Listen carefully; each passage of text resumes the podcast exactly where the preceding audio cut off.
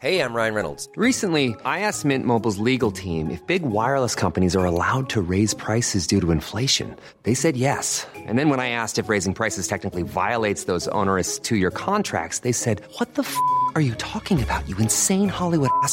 F- So to recap, we're cutting the price of Mint Unlimited from $30 a month to just $15 a month. Give it a try at mintmobile.com slash switch. $45 upfront for three months plus taxes and fees. Promo rate for new customers for limited time. Unlimited more than 40 gigabytes per month. Slows. Full terms at mintmobile.com.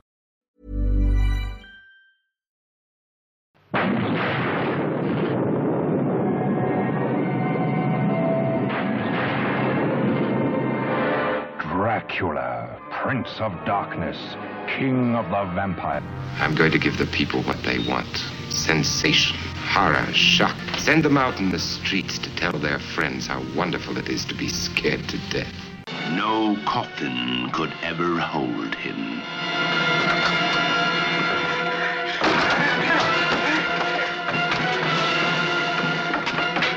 No door could ever bar his way. He is back from the dead. Count Dracula is alive.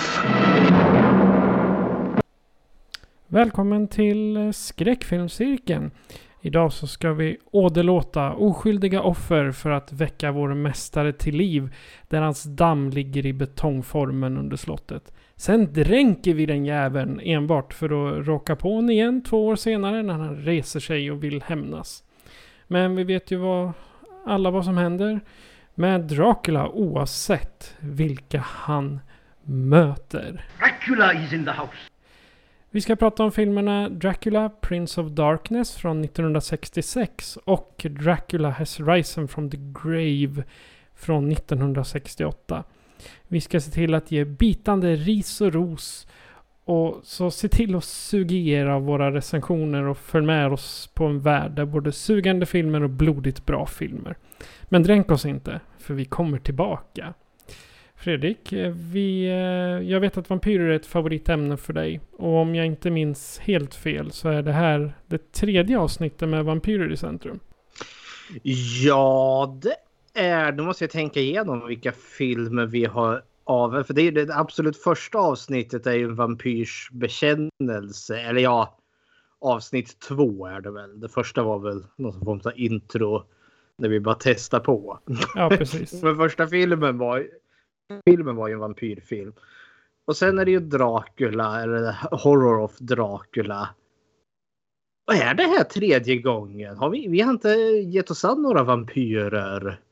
Inte ens något av de här spin-off eh, separat. Nej, det kanske vi inte har gjort. Nej, jag tror inte det har varit vampyrer i någon av de andra avsnitten ärligt talat. Oh my god. Och inte ens i någon sån julklappsspecial har vi haft några vampyrer. Nej, varulvar. Ja, jag tänkte precis säga det. Vi har en jäkla massa varulvar när det blir jul. Ja, det, är väl, det är väl typ allt. Annars har det inte varit några vampyrer så. Nej, jag kan inte komma Nej, på. Nej, men det behövs. ju. Jag vill ha mer vampyrer. Men vi behöver kanske mer zombies då, för det är ju din favorit. Ja, ja, ja men det, det, det kommer vi till sen. Vi har haft lite, vi har haft Shaun of the Dead där. Ja. sen, sen måste vi väl ha någon gång, eh, vad heter det, George Romero kommer vi väl komma till och då blir det ju herjösses mycket mer zombies. Ja, en eh, Romero ehm, franchise. Eller vi, vi kan inte kalla det Romero franchise. Men vi får väl kalla det zombie franchise typ. Eftersom allting handlar om zombies. Ja, eller Ro- Romeros sex zombiefilmer blir det väl han gjorde. Det var så mycket enklare när man kunde säga Romero-trilogin. Eh, Men sen gjorde han ju fyra filmer till av liksom sjunkande kvalitet. Det är ja, sant. kära värld. Ja. Men eh, hur, eh, om man bortser från eh, filmvärlden då. Hur lever livet med dig annars? Jo det är ganska bra ändå. Eh, Jag har varit och fått min första vaccinationsspruta här. Eh, Så nu ska jag vänta sex veckor innan jag ska ta spruta nummer två. Det har gått så bra än så länge. Så peppa, inget, peppa. är inget DNA som har skrivits om på dig ännu. Nej, det, vad är det? det är datachip som ska installeras eller något sånt där så att Bill Gates kan styra oss med hjälp av 5G-masterna. Ja, ja men då får du ju direktkontakt med honom. Ja, men jag får väl hoppas att mitt bredband blir snabbare om inte annat eller något sånt där. ja, kära Exakt. Hur är det själv då? Jag har, jo, jag har inte råkat ut för att bli stucken ännu. Jag får vara glad om jag får det före årsskiftet. Mm.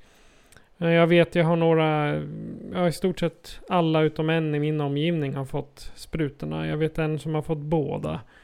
Så, men det, det är kul att det, börjar, att det kommer igång nu. Jag, jag får sån här känsla som svininfluensan, vilket jäkla speed det blev där när typ eh, 90% av Sveriges befolkning bara vaccinerades inom loppet av ett par månader.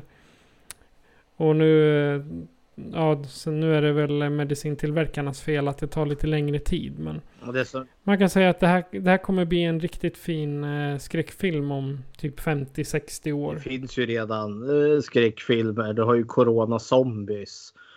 Eh, en riktig jäkla skitfilm liksom gjord på typ noll budget. Och det, vad var det? Det gjordes liksom bara några månader efter att den kom.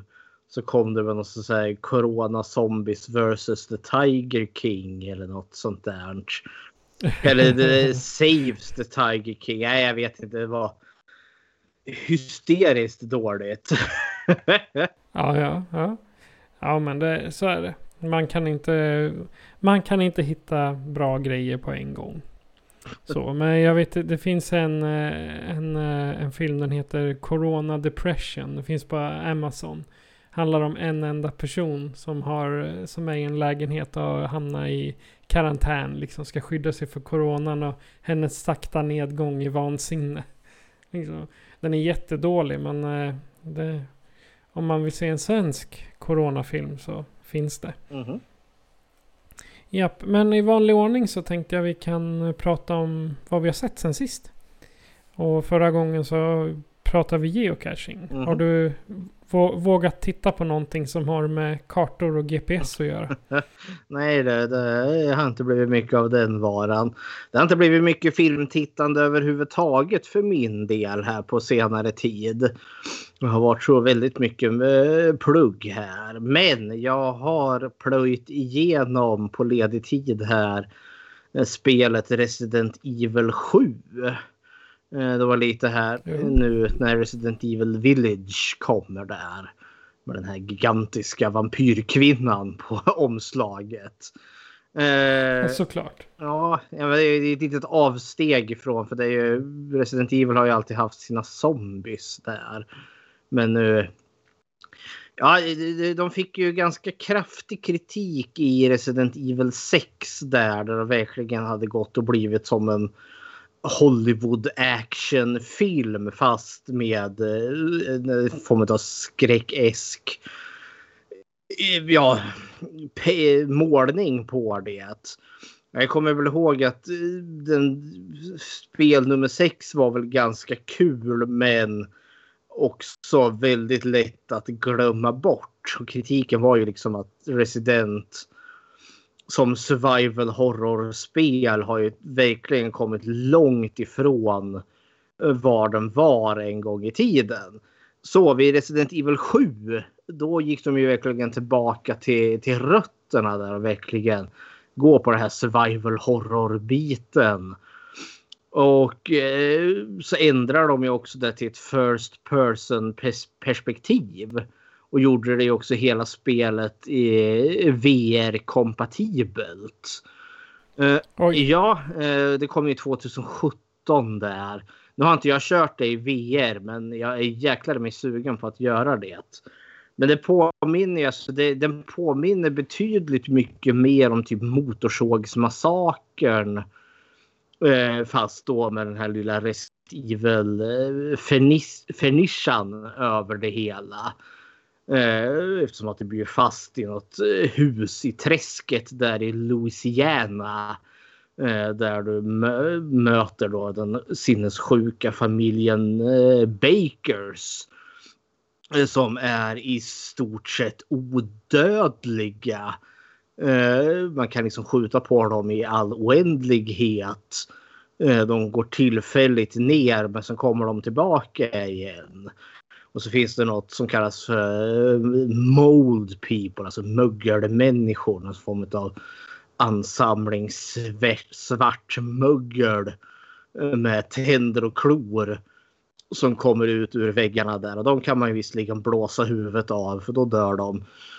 Uh, och sen då mysteriet. Vad är det som har hänt här? Varför är familjen Baker eh, nästintill nästan till odödlig och sinnessjuk? Och var kommer det här möglet ifrån? Och det är då Resident Evil-biten kommer med något sånt vansinnigt experiment som har gått haywire och uh, ja, hamnat där ute på någon hos familjen Baker och har orsakat eländes elände. Och nu är man där då som huvudpersonen och letar efter sin försvunna fru. Och nystar upp mysteriet över vad som har hänt där.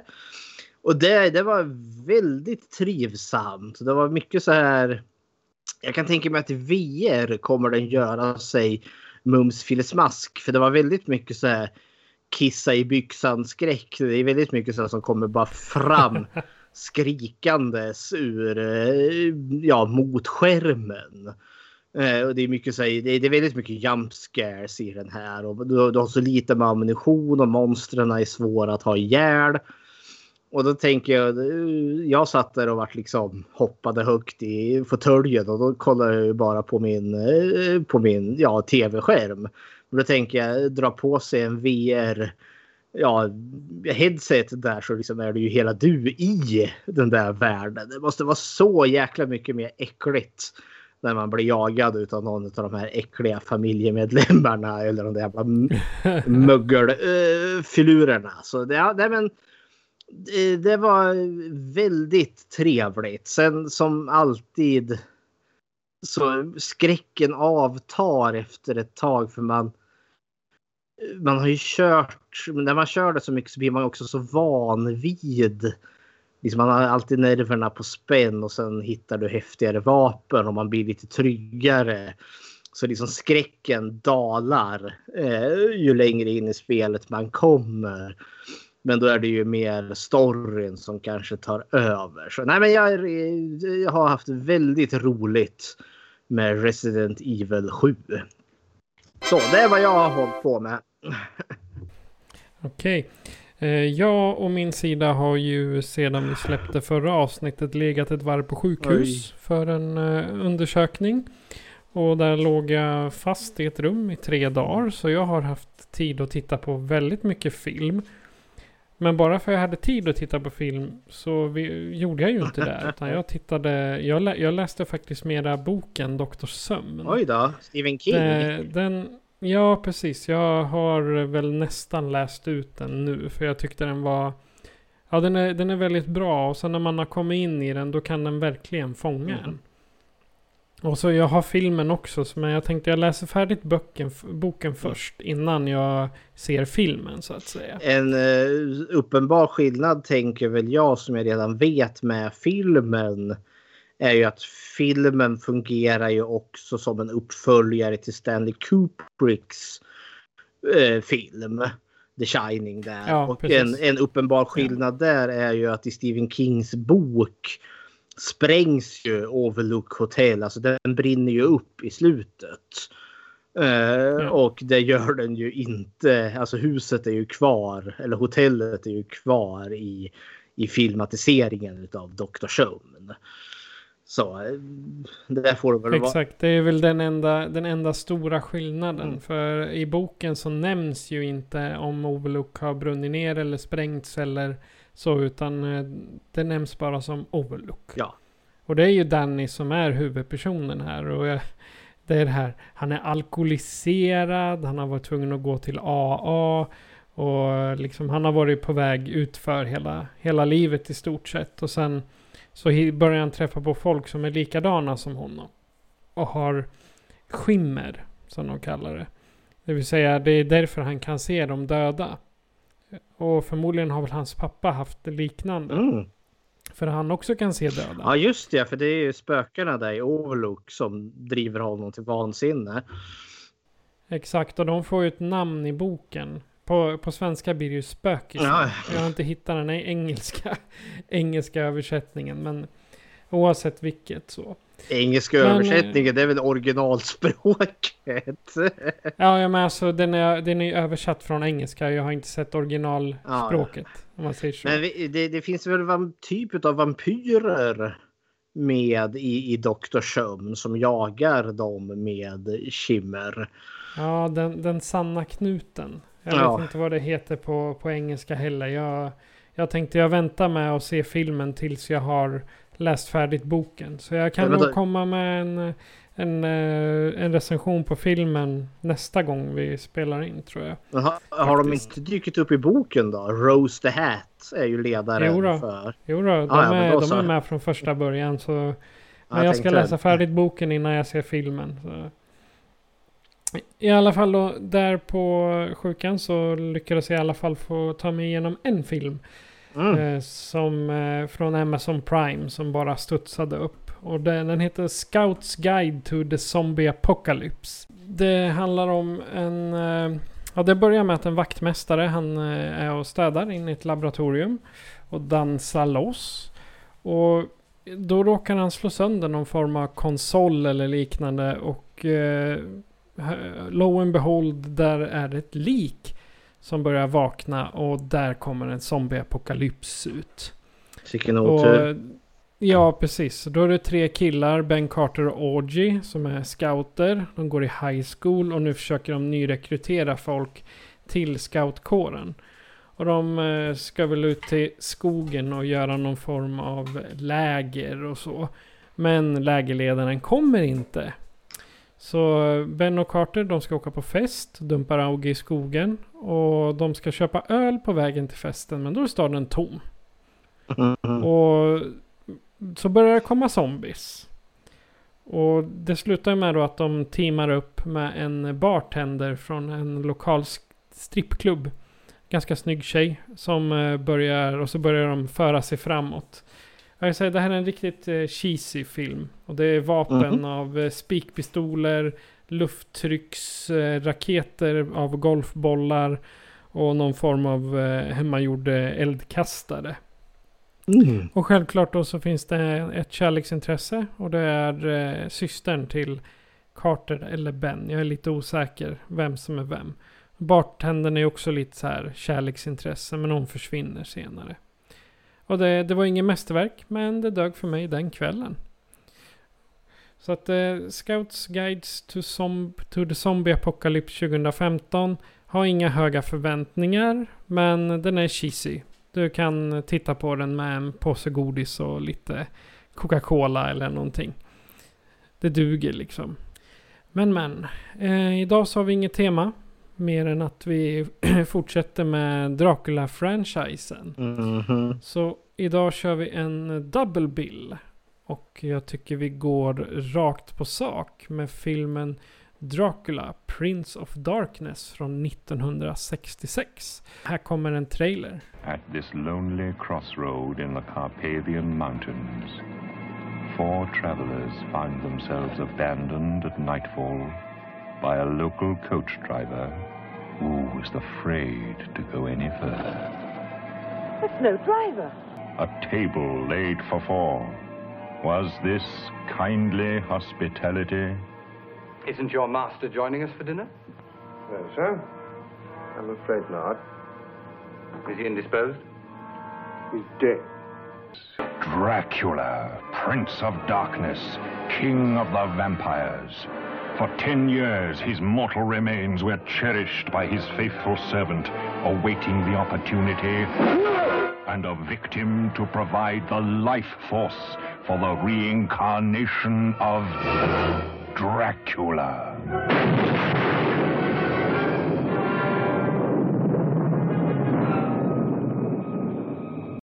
Efter att ha lämnat strandsatta i Karpaterna tas fyra engelska turister till ett kusligt gammalt slott med en förarlös vagn. Vid ankomsten välkomnas de av en konstig butler med en dold agenda. Det är plotten till Dracula, Prince of Darkness från 1966. Eller Dracula, Mörkrets furste, som den svenska titeln är. Vad är dina initiala tankar Fredrik? Mm, ja, det här är min, eh, jag har sett den här förut. Hade en period där när jag introducerades för Hammer Horror. Och eh, ville liksom bara plöja allt. Så det, jag tror jag har sett den här någon gång för typ kanske 10-12 år sedan. Och nu ser jag om den igen så insåg att jag kom knappt ihåg något utav filmen jag hade sett.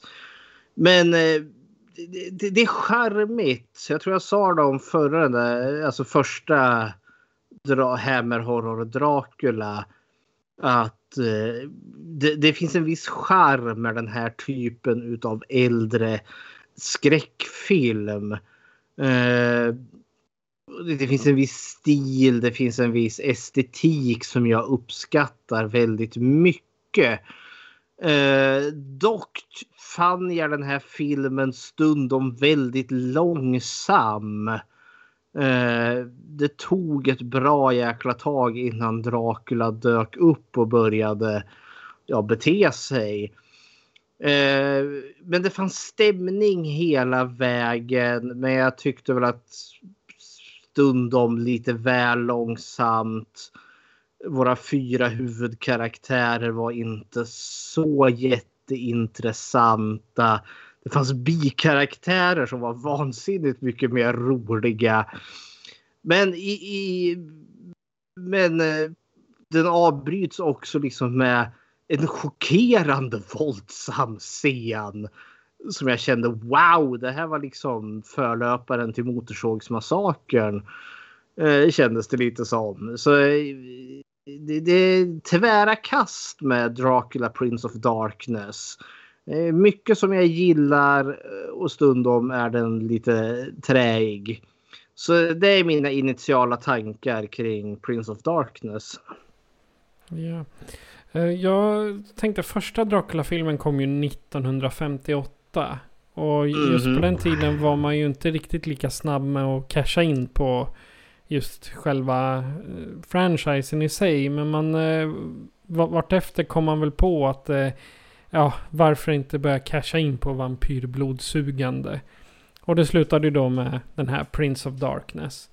Den är nästan lika bra som den filmen från 58 men ändå inte. Jag tycker fem, filmen från 58 är betydligt bättre. Och, men samtidigt då tycker jag Christopher Lee är den Dracula jag tycker om bäst. Och samma sak med Barbara Shelley och Susan Farmer som är med. De är väldigt vackra men också väldigt stereotypa som de hysteriska våpen. Och det märks ju att det är 60-tal om man säger så. Eh, Clove. Han är eh, nästan mer creepy än Dracula i sig. Och han har jag lite mer att säga om.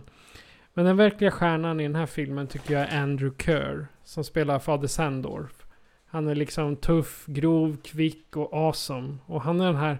Han skulle kunna vara den ninja-prästen eh, som kickar, eh, kickar Dracula åt eh, helsike. Men nu är det ju här på 60-talet så han är ju stora farbrorn då. Ett plus också är introt eftersom det har en liten flashback från originalet. Och en, en, sak som jag tycker är riktigt fräckt är att kläderna smälter lika lätt som själva Dracula i sig. ja, eh, i den här filmen tycker jag inte att vi kan ha hotet som hot. Utan jag tänkte döpa om den till morden. Yes. För hotet är, ju, hotet är ju alltid Dracula. Jo, jo, förvis. Så det vet man. Så jag tänkte man kan prata om eh, morden istället. Eller Draculas agerande mot eh, folket. Men eh, först och främst då karaktärerna. Och vi har Christopher Lee. Vad tyckte du om eh, Dracula i den här adaptionen? ja, det, alltså... Eh, vi, vi, man vet ju att eh, Christopher Lee inte alls eh, ville göra de här filmerna. Det som du säger, alltså den första filmen han var med i 58 Eh, då, då var det väl kul. Eh, men sen 66, alltså det har ju nästan gått. Eh, det har ju gått liksom, eh, vad blir det? Eh, åtta år mellan de här filmerna. Och han har ju Ja. gjort annat däremellan. Eh, och han exempelvis, han har ju inte en enda dialog i den här filmen. Alltså han säger inte en enda replik. Och det gjorde han ju med... Ja, han fräser gör han och skriker där på slutet. Men eh, det gjorde han ju för, i protest för att han tycker att eh, han tyckte att eh, manuset, den dialog han hade var ju helt bedrövlig så han bara vägrade säga det. Men Dracula i sig är så pass... Alltså trots att han är tyst eh, så är han... Eh, han, han, han, han är otroligt, eh, vad heter det, han skär ju trots allt scenerna han, när han väl dyker upp. Eh, dels, även om nu Christopher Lee hatade att göra spela Dracula här i de här filmerna så märks det inte på honom. Utan han skådespelar ju trots allt och han ger liksom sitt allt. Det, är- det är inte den här skådespelaren som är dit tvingad av kontrakt och bara liksom gör det minimala så att han liksom bara kan casha in. Nu är ju Christopher Lee dit tvingad på kontrakt. Men han, han gör det fortfarande. Så han skådespelar och det Dracula i den här, alltså Christopher Lees Dracula är ju väldigt mycket mer ond. Eh, det är ju inte den här Bela Lugosi eller Gary Oldmans Dracula.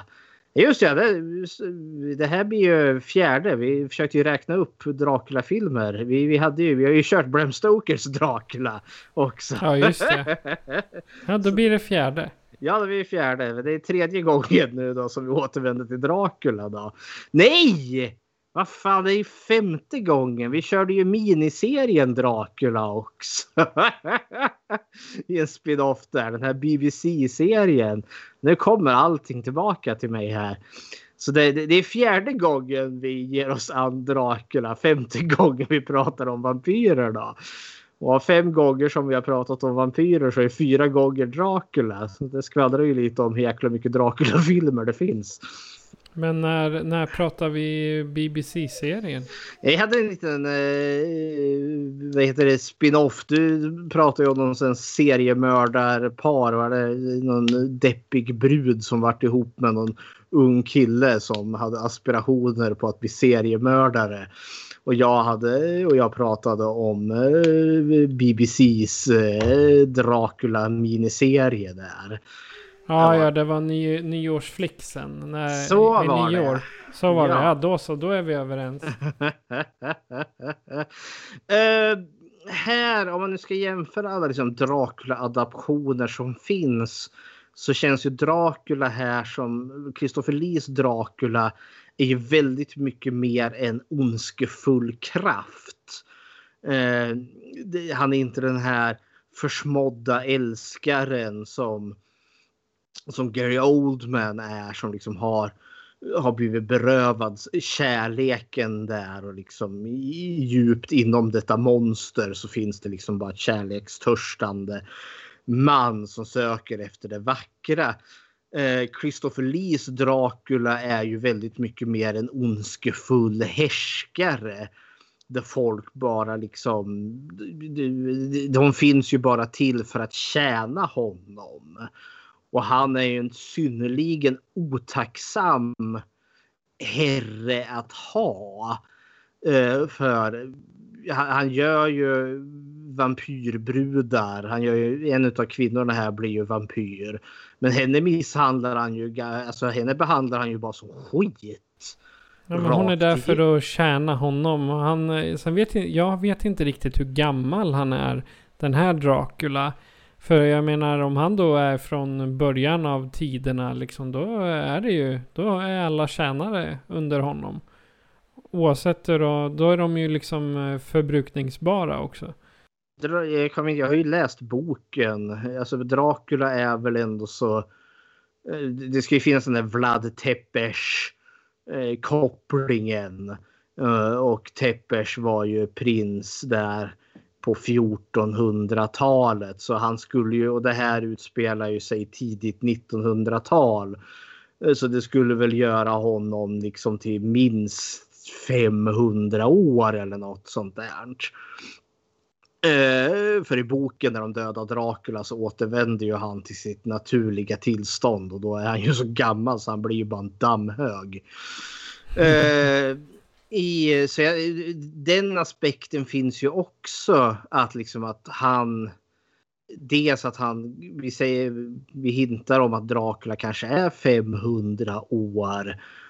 Det betyder ju att han har gjort det här, jag vet inte hur många gånger. Alltså, människor är fullständigt ointressanta för honom. De finns till för hans överlevnads skull. Men jag tänker också därför det när han jagar eh, de här som den här kvinnan som han gör till vampyr. Alltså då när hon fortfarande är vid liv. Då är det ju mer liksom det här nästan förföriska. Han tittar på dem och så hypnotiserar han dem och så kommer han där liksom långsamt och så liksom nästan sensuellt eh, är han liksom ner över halsen. Men sen när hon väl är vampyr. Då är det ju liksom som att eh, han inte vill ta i henne ens en gång. Utan för då är det ju bara pimphanden fram, ögonen bums. Jag vet inte hur många gånger han bitch släpar omkring henne och hon liksom ligger och kryper vid hans fötter. Ungefär som att åh älska mig, älska mig och han bara skiter i vilket. Eh, det, det, det, så det är en väldigt osympatisk Dracula i de här. Och det här är ändå så liksom. Christopher Lee säger inte ett ord och det är också en väldigt hämndlysten Dracula. Han eh, tar ju fan inge, ingenting, alltså minsta lilla. Eller ja, minsta lilla, det, det är ju två som flyr från hans slott. Och, och de ska ju fan inte komma undan. Han är, han är Hell ju, no. Oh hell no. Och, och, och det känns också som att eh, det finns liksom som en skugga utav Dracula. Dracula har varit aktiv eller han personligen har han inte varit aktiv. Eh, men alltså, eh, hans närvaro har varit aktiv trots att han har varit död. För det finns ju den här, den här otäcka butlern Clove. Eh, som har liksom eh, bara huserat Draculas slott så vitt jag förstått i typ tio år. Jag spelar, han har funnits där i tio år. Ja, precis. Vad hade han funnits? Han hade funnits där i tio år, alltså i... Eh, nere i, som sand eller? Nej, Chloe, Eller- eh, betjänten. Chloe, ja okej, betjänten. Då är jag med. Så Chloe har varit där i tio år. Eh, och han har ju funnits där och liksom tagit hand om slottet. Vilket fick mig, alltså, för jag förstår ju liksom att tio år har förflutit här nu. Eh, första Horror of Dracula utspelar sig 1895 och den här utspelar sig 1905. Och vi får ju också i, i filmens början också en hint här då om att tiden har förflutit eftersom att han där fader Sandor läxar upp Eh, byborna för att de är så jävla vidskepliga. Dracula har varit död i jättemånga år här och, men de kan fortfarande inte sluta tro på, på Dracula. Eh, det fick mig att fundera alltså, geografin i den här. För jag var tvungen att gå tillbaka och se alltså Horror of Dracula. Den utspelar sig i Klausenburg. Vilket lät väldigt tyskt tyckte jag. Sen eh, googlade jag det och insåg att det ligger bokstavligen i Rumänien. Eh, men för den här filmen är vi ju i Karpatien. Vilket är den klassiska platsen för, alltså från boken. Och då funderar jag, för, för Dracula dör ju i, i sitt slott i, i Klausenburg i Horror of Dracula. Eh, men nu är de i Karpatien. Är det samma plats eller ska vi tänka oss att han Clove sopade upp Draculas damm där och red till hans andra slott i Karpatien där. Har Dracula flera slott utspridda över Rumänien? Jag kan tänka mig det. För det är väl i eh, original Dracula. Då tar han väl dit honom för att han ska köpa flera fastigheter. Ja men då ska han ju köpa fastigheter i, i London. Ja fast då, då tänker jag om man köper i London då kan han ju lika gärna ha köpt lite överallt även i Rumänien. Ja jo det, det, det är ju sant. Jag menar har, har, gubb, har Dracula levt i 500 år. Ja, då kan man väl tänka sig att han liksom har, har lite eh, olika mm, ja, byggnader där han bor i. Men det blir också så här svårt med den här vampyrmytologin. För det är liksom, han måste ju alltid sova i, i den jord som han blev begravd i. Eh, men visserligen det kan man väl he, so, sopa upp eller bara spada upp i någon, i någon låda där och strössla i kistan så blir det väl bra. Men jag för mig, gör inte han den i, i 58-adaptionen? Alltså, han har ju med sig jord och måste ligga, alltså det räcker ju bara med några korn. Som han ska ligga på liksom. Ja men så, så är det ju, och så är det ju boken också. Och så är det ju den här ja. filmen också. De jävlas ju med Dracula med att lägga kors i hans kista där så han inte kan återvända eh, till, till jorden där då. Jaha, vad hade du för tankar kring Dracula i den här filmen? Alltså Dracula i sig, jag tycker ju att Christopher Lee gör de bästa Dracula.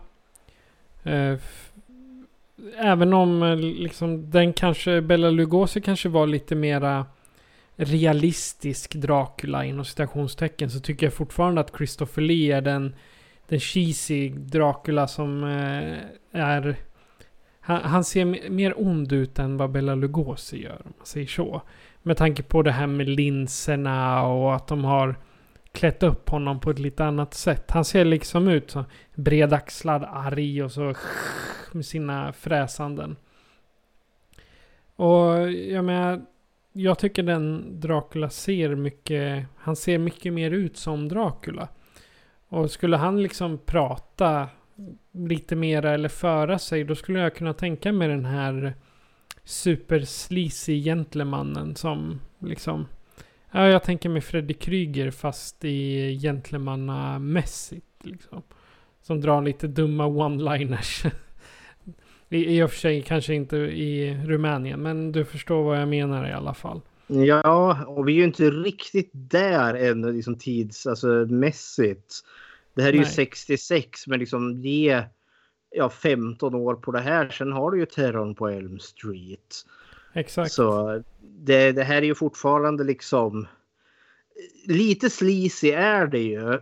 Men det är ju inte alls så jäkla slisigt som det kommer bli liksom på 70-talets exploitation-filmer där. Men man känns som att vi är i vi är liksom förlöparen till. Vi är, det, det, det, är lite mer våld, det är lite mer sex. Men det är fort, vi är inte riktigt där vi kommer att hamna sen.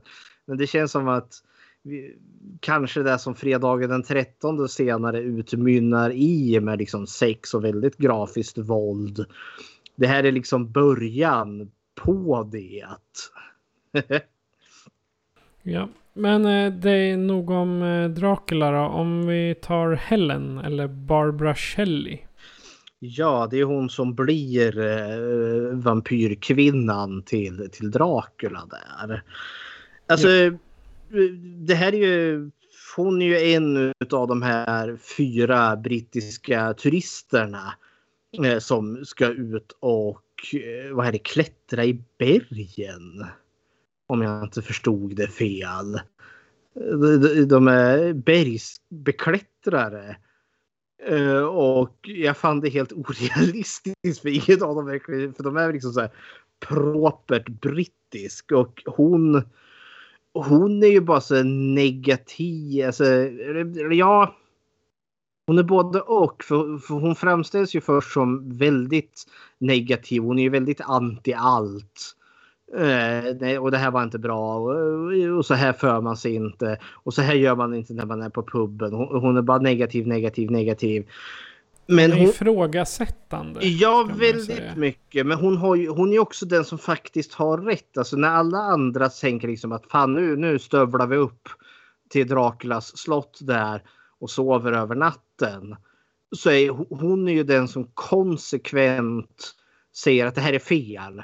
Någonting är, alltså det, det, det är bara käpprätt åt helvete fel. Eh, hon är ju den som ser alla varningstecken som finns och lyssnar på dem. Medan de andra tre eh, ignorerar ju det. Att liksom försöker rationalisera bort eh, hennes rädsla och oro. Eh, och hon är ju den som senare också kommer att drabbas utav Dracula. Så jag, det, det, det var liksom det är lite anti den här Final Girl-konceptet. Det här är ju långt innan Final Girl kommer, alltså blir en grej. Eh, men för, då, för, det är alltid i regel the, the, Final Girl som är den som anar oro. Som börjar misstänka att någonting är fel. Som börjar se mördaren innan mördaren kommer medan alla hennes tröga vänner bara nej men vi måste ut och knulla i skogen. Eh, liksom. och, sen, och sen har du liksom Jason där och liksom bara hugger dem i små bitar.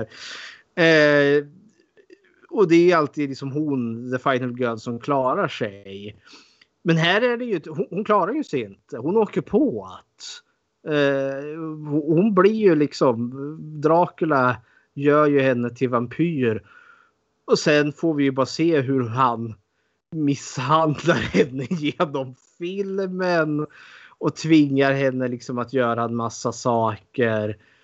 Eh, och sen blir hon liksom pålad till döds. Så jag tyckte så jäkla synd om stackars Helen. Hon var den som anade oro.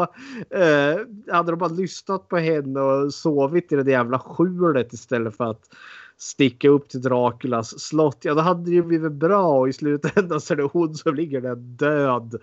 Eh, men påle i hjärtat i slutändan. Så jag tyckte synd om stackars Helen.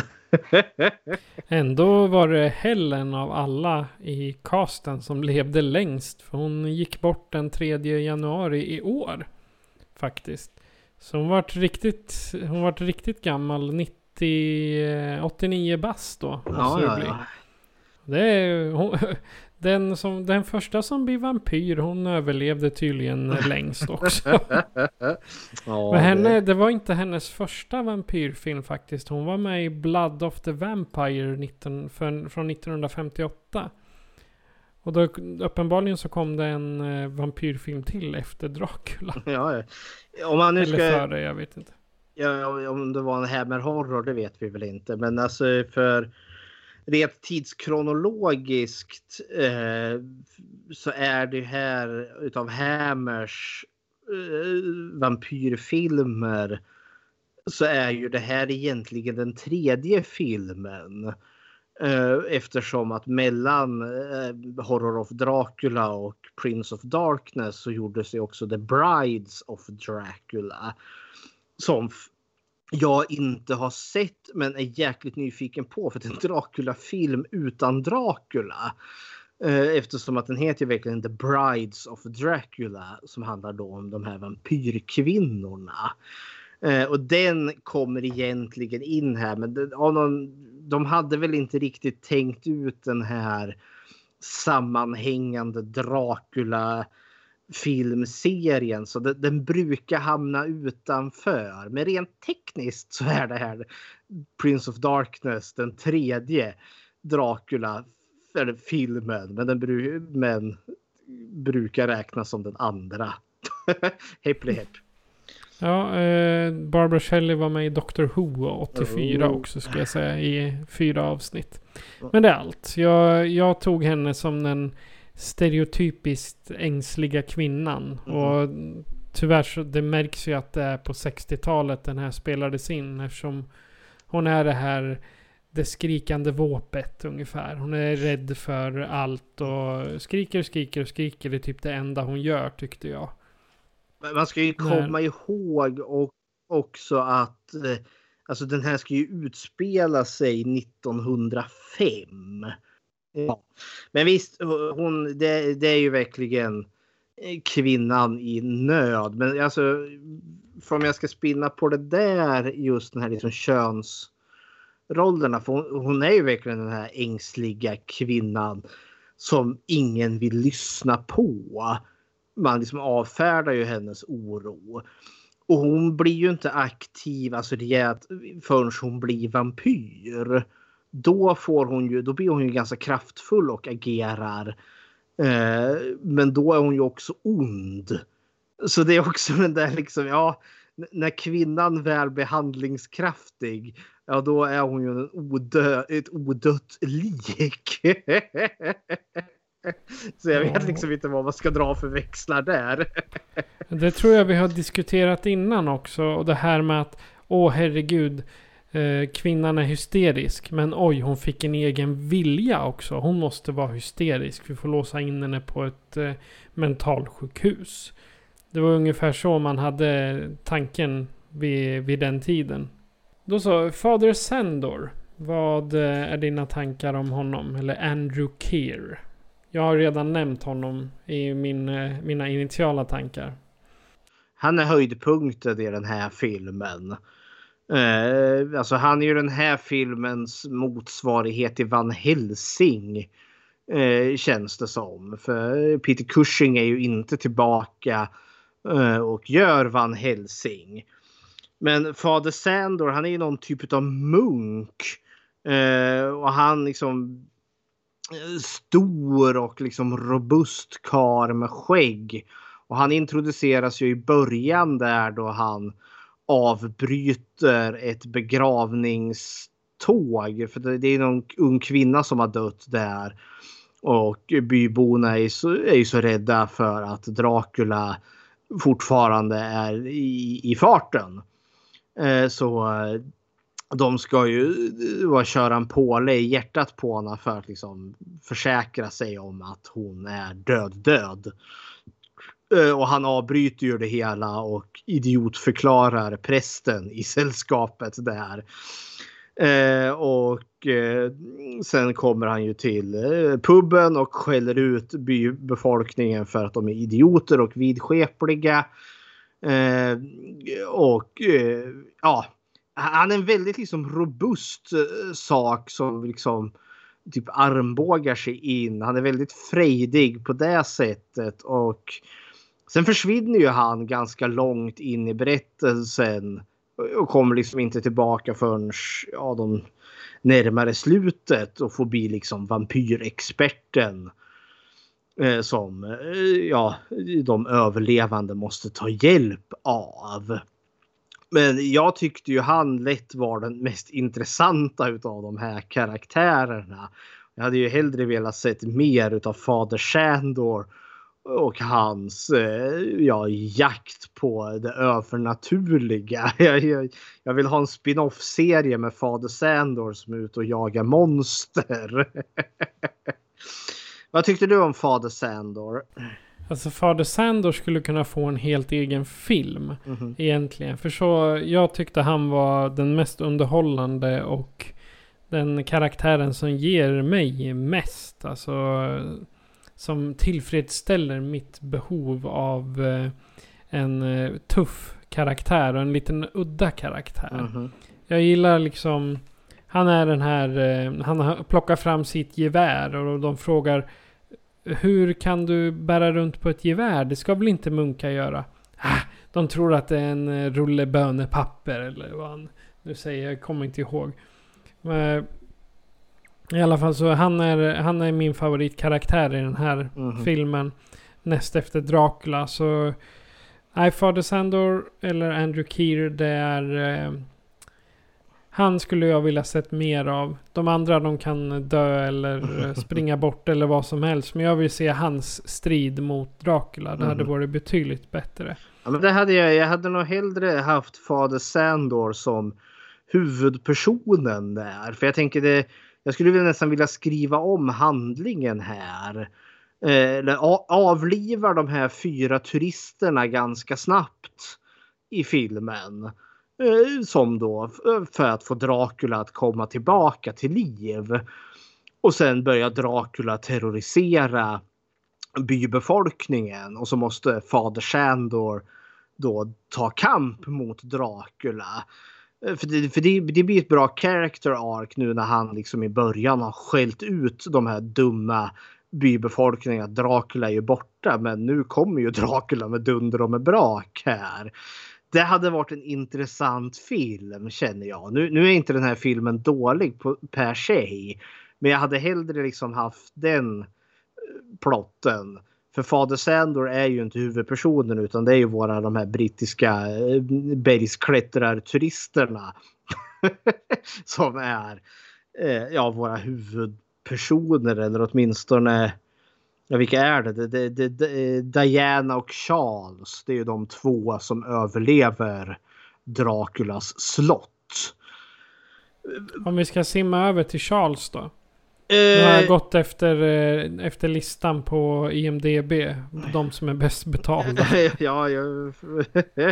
För... Och Charles det är ju Francis Matthews som ja. han heter. Och det är ju han som är då som jag tolkar gift med Diana. Ja. Och Helen, hon som blir vampyrkvinnan där till Dracula. Är ju ihop med Allen. Den, eh, för det är, är, av de här brittiska turisterna så är det ju två män och två kvinnor. Och vi förstår ju att det är två gifta par. Men också att Allen och Charles är bröder. Ja. Allen är den äldre och Charles är den yngre. Alltså jag tycker, om jag nu ska klumpa ihop alla de här, så är det en ganska färglös klick människor eller karaktärer. Alltså Helen utav de här är hon som sticker ut mest. Eftersom att hon är ju den som är den som är orolig, misstänker Dracula, sen blir hon ju vampyrkvinnan. Alltså hon är den som får göra mest. Charles, vi får ju vi får ju se han när han håller på liksom bjuder runt på den här baren eller puben de är på. Och liksom att hej nu ska vi dricka här. Så han ska vara liksom den frejdiga, liksom lite mer uh, the bad boy eller något sånt där. Men i slutändan är de ganska vanilj allihopa och de är väldigt mycket så här ja men det här är väl rationellt. Oh, vi försöker tänka logiskt och, och sunt här. Och vidskepligheter kan man inte tro på. Det, det, det är skrock. Vi är högutbildade adelsengelsmän här. Haha, plopp, vampyrer finns inte. Och de, nej, de, de är ganska tråkiga allihopa. Måste jag villigt erkänna. var... Men Charles tycker jag är en riktig... Alltså hade det varit idag då hade vi kallat dem för bimbo. Det är liksom när de kommer in i, i slottet så här. Charles, har du sett? Det är dukat för fyra. Ja, det är ju dukat. Då kan vi lika gärna äta. Ja, det finns en jäkligt stor aningslöshet i de här människorna. Det är ju bara stackars Helen där då som är den som ifrågasätter. Ja, varför är det dukat för fyra personer i ett slott som antogs vara övergivet sedan tio år tillbaka.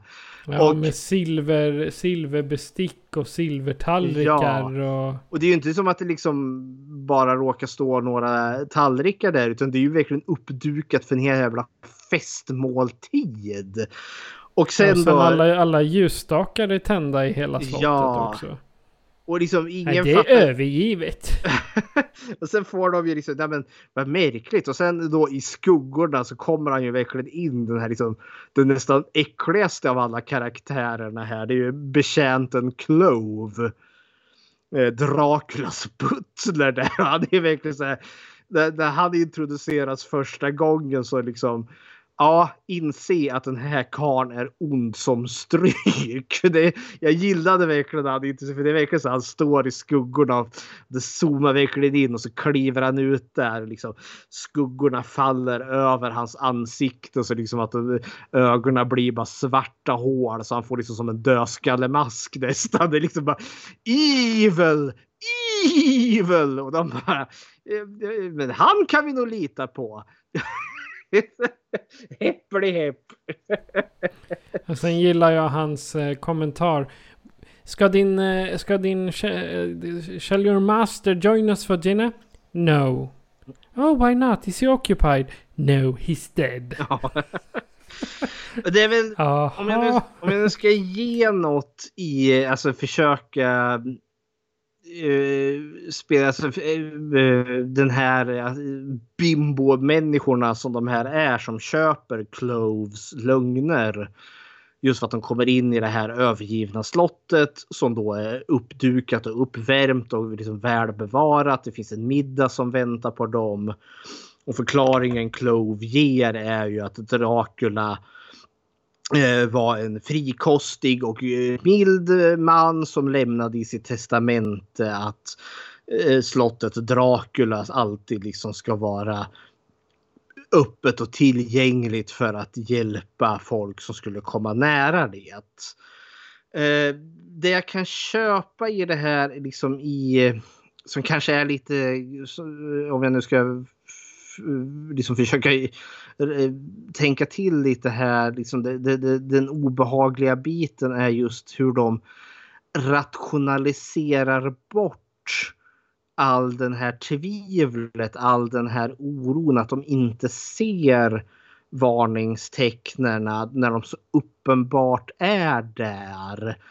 Eh, att liksom att hela det här, eh, alltså, eller som den här förelösa droskan som kommer och hämtar dem. Så de kan inte styra hästarna för hästarna liksom tar sig dit själv. Och deras bagage försvinner bara för att dyka upp på hotellet liksom av sig självt. Alltså, men de väljer liksom att rationalisera bort det här. För det är ju övernaturliga saker på gång här.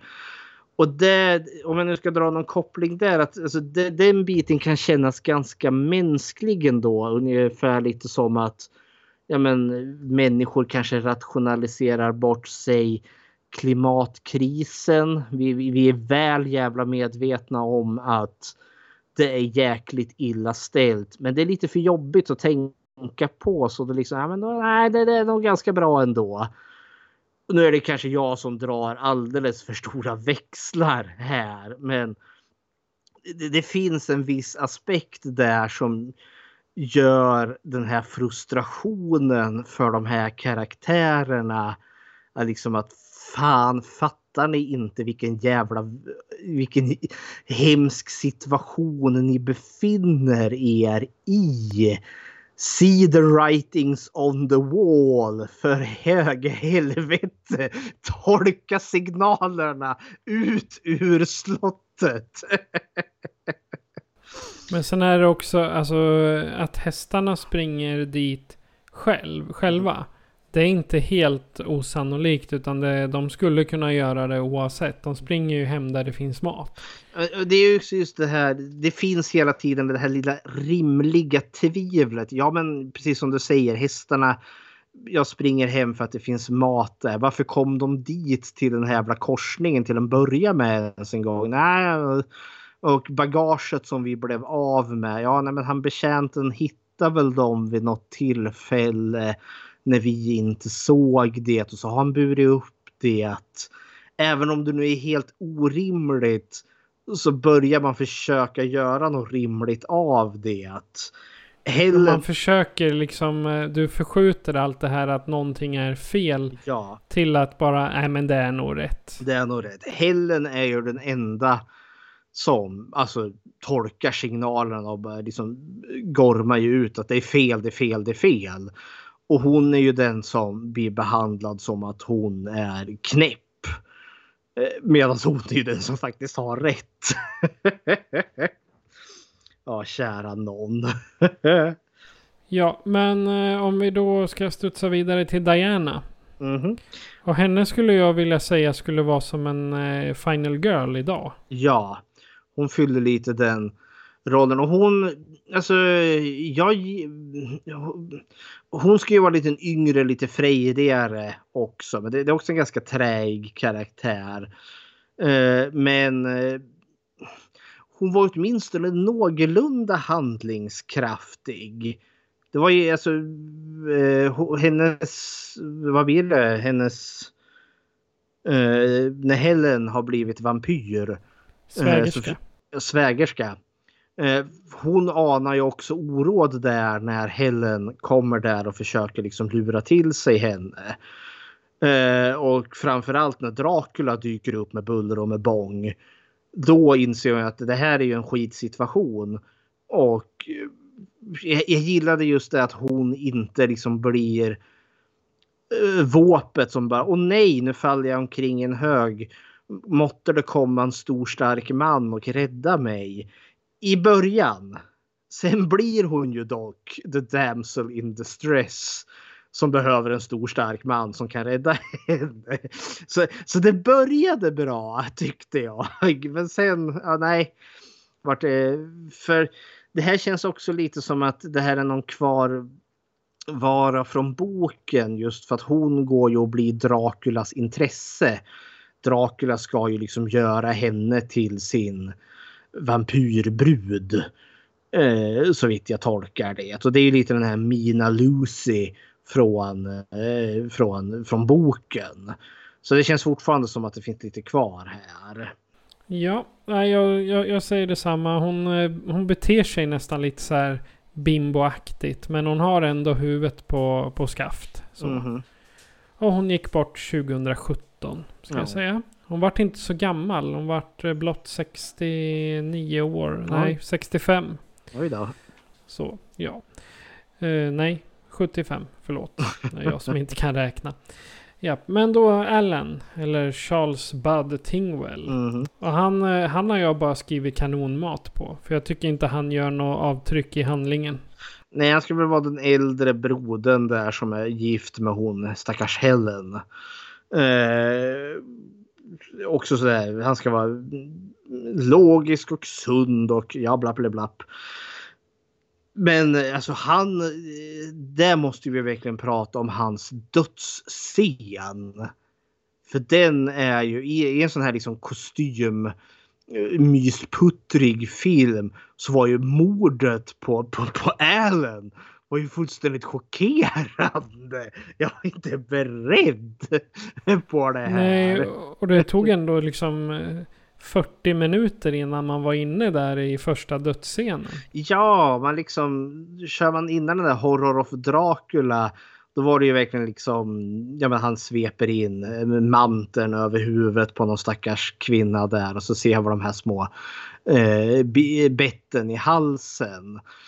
Eh, och, och den stora liksom scenen där var ju när Dracula liksom eh, brann upp i solljuset. Men då var det ju liksom monstret som dog. Här är det ju liksom en eh, det, det första mordet i den här filmen. Och alltså, jag, jag kunde inte låta bli att tänka på Motorsågsmassakern. För just eftersom att eh, eh han blev upphängd på en krok. Eh, och, och sen liksom åderlåten, liksom tömd på blod. Det var verkligen så här, liksom slaktvibbar här.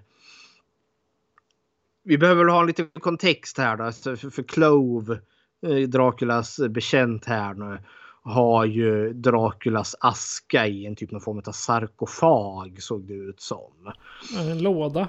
Det var, Ja. Han hade ju den bara i en vanlig urna. Sen hällde han över det i någon... Ja, så här, just det, det, ja. Ja, det, det såg ut som en stålform alltså. Som du har för att gjuta i. Ja, men han la ju ner den i någon form av liksom sarkofagliknande. Stor... Ja, det är den jag menar. Ja, eh, och så hällde han ut Draculas aska där.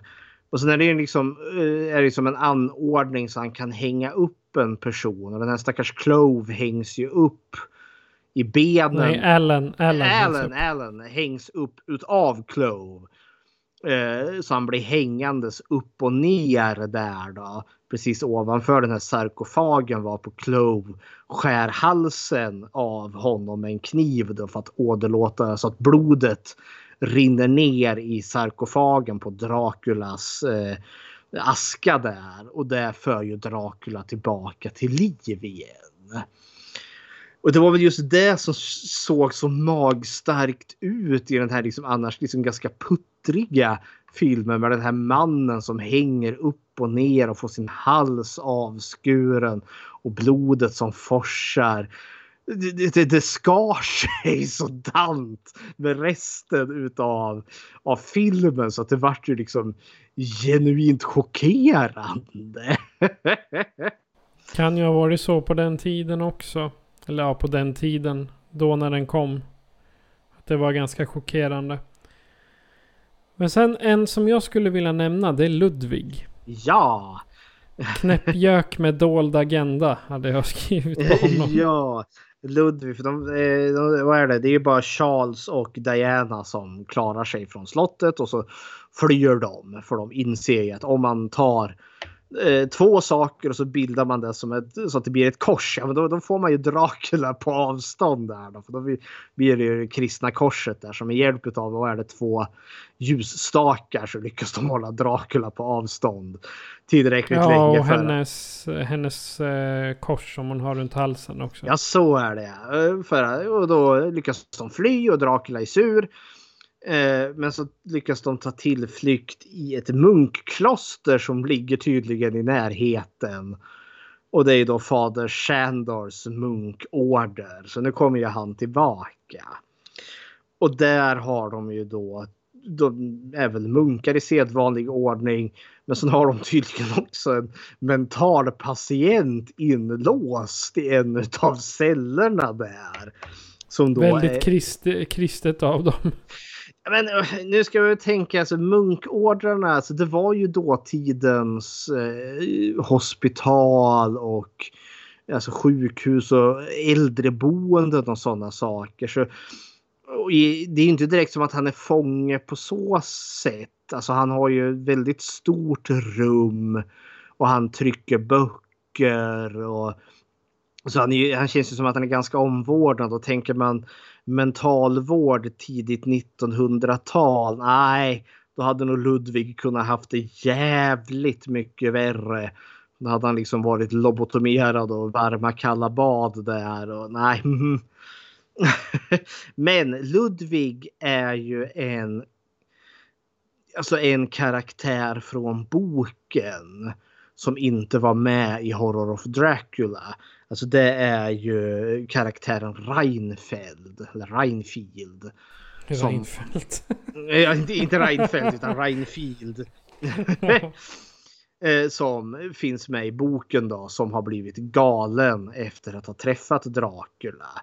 Som äter flugor och som Dracula har makt och kontroll över.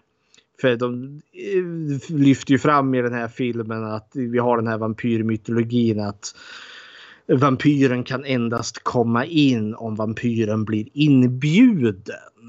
Så eh, knackar vampyren på dörren där eh, då måste man verkligen säga kom in, kom in. Annars säger du inte det, då blir vampyren ståendes där och kommer aldrig in. Och försöker de gå in så brinner de upp. Och då tänker jag på låt den rätte komma in. Ja, det, Där, hon, bör, hon börjar ju blöda. Hon blir väl väldigt dålig. Ja, hon blöder väl ur alla möjliga hål och... Ja. Otäckt värre. Ja, men frågan är om det inte är samma just för Dracula då. Ja, det, det framkommer ju inte riktigt. För han blir ju, han, Ludvig, han, Dracula står ju där och liksom med sin hotande närvaro och Ludvig liksom ja men kom in, kom in. För han är ju tokig och knäpp och liksom i Draculas våld. Eh, så Dracula kan ju ta sig in, vilket var något som försvann i nästa film. Det fanns det inte med överhuvudtaget. Där går Dracula helt obehindrat in när han vill gå in någonstans. Så kronologin i de här filmerna är inte så jättestark. Det vill jag lägga till något som jag också tycker är lite otäckt. Om jag nu alltså spinner på den här vampyrmytoset just att Ludvig jag menar, är han verkligen tokig? Eh, jag menar, han är ju påtvingad Draculas vilja. Och det funkade ganska väl just i den här att eftersom att Christopher Lee vägrade säga sina repliker. Dracula bara står där. Och Ludvig liksom bara åh mästare och liksom det är så som att det finns en mental kommunikation. Alltså han förstår vad Dracula vill utan att ens Dracula behöver öppna munnen. Och så gör han det Dracula vill att han ska göra. Jag tror ju han är, har honom i någon typ av telegenesi eller eh, något sånt där. Ja. Alltså Dracula har varit på honom innan. Ja. Då är jag lite som eh, typ The Vampire Diaries har ju så att eh, vampyrer kan manipulera folk i både sinne och minne och sådär. Och frågan är om inte det fungerar även för Dracula då. Något jag gillade med den här filmen är vad som, liksom, vad som händer med Ludvig. Eller det är snarare hur munkarna faktiskt... Alltså Ludvig får liksom inget straff så att säga. Alltså Ludvig ställer ju till det ganska rejält. Han bjuder in Dracula Eh, och han slår ju ner några stackars munkar också. Han hjälper Dracula att kidnappa Diana. Men det är ju inte som att munkarna liksom bara brottar ner Ludvig utan i slutändan när Dracula fått sitt, ja då, då lämnar han ju bara Ludvig för, för Dracula skiter ju fullständigt i Ludvig. Eh, och istället liksom för att liksom de kommer där och är barska och arga eller liksom piskar an eller, eller att Ludvig får en dödsscen eller något sånt där. Så är ju munkarna kommer ju där ja, men nu går vi tillbaka till cellen där då och han följer ju liksom lydigt med. Jag gillar det för liksom Ludvig är ju också ett offer för Draculas vansinne i den här. Jag, jag, vet inte, jag gillade det av någon anledning. det fanns något väldigt kristet nåd över det hela. ja. Men någon kristen nåd till Dracula det finns det ju inte i den här filmen. Nej, hell no. Honom ska vi no. hugga. det, det, Dracula måste ju dö. Det är det enda att ja. göra. Och han får väl den mest originella död. Alltså i, i den här filmen, för i vanliga fall så är det liksom på dig i hjärtat, solljus, hugga huvudet av han eller något sånt där. Det här är nog den enda filmen jag sett där de har dränkt Dracula. Ja men den, den, den scenen gillar jag för nu är vi alltså vid slutet. Ja. Det har eh, två, två dödsfall på 1.34 eller 1.39 eller vad det nu var filmen. Min skiva var 1.34. Eh, då, eh, jag menar, först så ska han skjuta Dracula. Och det är väl för att eh, liksom ha, vad ska man säga, bara för att stoppa honom lite från att ha ihjäl honom, vad heter han nu då, Charles. Och så missar han och träffar i eh, isen. Nej men det, det, är ju inte fader Sandor utan nu får ju faktiskt Diana komma eh, till skott Ja här. precis. Men jo. det är Sandor som skjuter. Och Diana säger titta isen spricker. Ja, men hon, hon klämmer väl av första skottet tror jag så är det. För han säger det är ja. meningslöst för kulor biter inte på Dracula. Men hon klämmer iväg ett skott som träffar i isen och spricker och då får ju fader Sandor en idé och tar geväret och så börjar han ju skjuta hål i isen där så att den spricker. För att här är tydligen vampyrer eh, svaga mot rinnande vatten.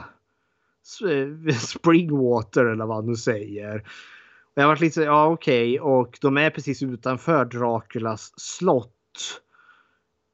Så... Mitt i vintern uppenbarligen då som det är is. Ja, det är det också. Men, eh, och isen spricker och drakarna eh, dras ju ner under vattnet och försvinner liksom in under isen där eh, skrikandes.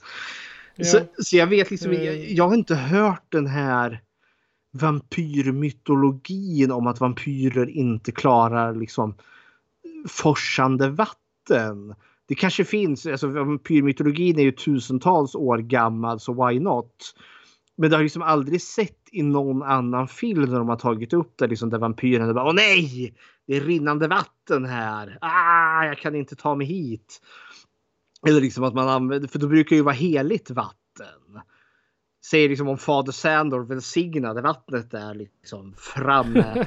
i- framme krucifixet och bara säga några coola latinfraser där. Och liksom, så vattnet eh, vid Draculas slott liksom vid hans vallgrav blir heligt. Och eh, han bara försvinner ner i det bubblandes som liksom, ja, typ som vad heter han? Eh, Judge Doom i Roger Rabbit. Bara smälter ihop i en liten hög. Där. Men nu, nu blir det inte så utan nu är det rinnande vatten. Det, det, det funkar inte för Dracula. Eh, eh, jag, jag läste på, eh, på eh, jag tror det var Rotten Tomatoes. Så eh, Eddie Powell som var eh, Christopher Lees stuntdubbel. Han drunknade nästan under den scenen. Oj! Han, fast, han fastnade under de här plastskivorna. Åh, oh, kära någon. Ja, det hade ju varit genant.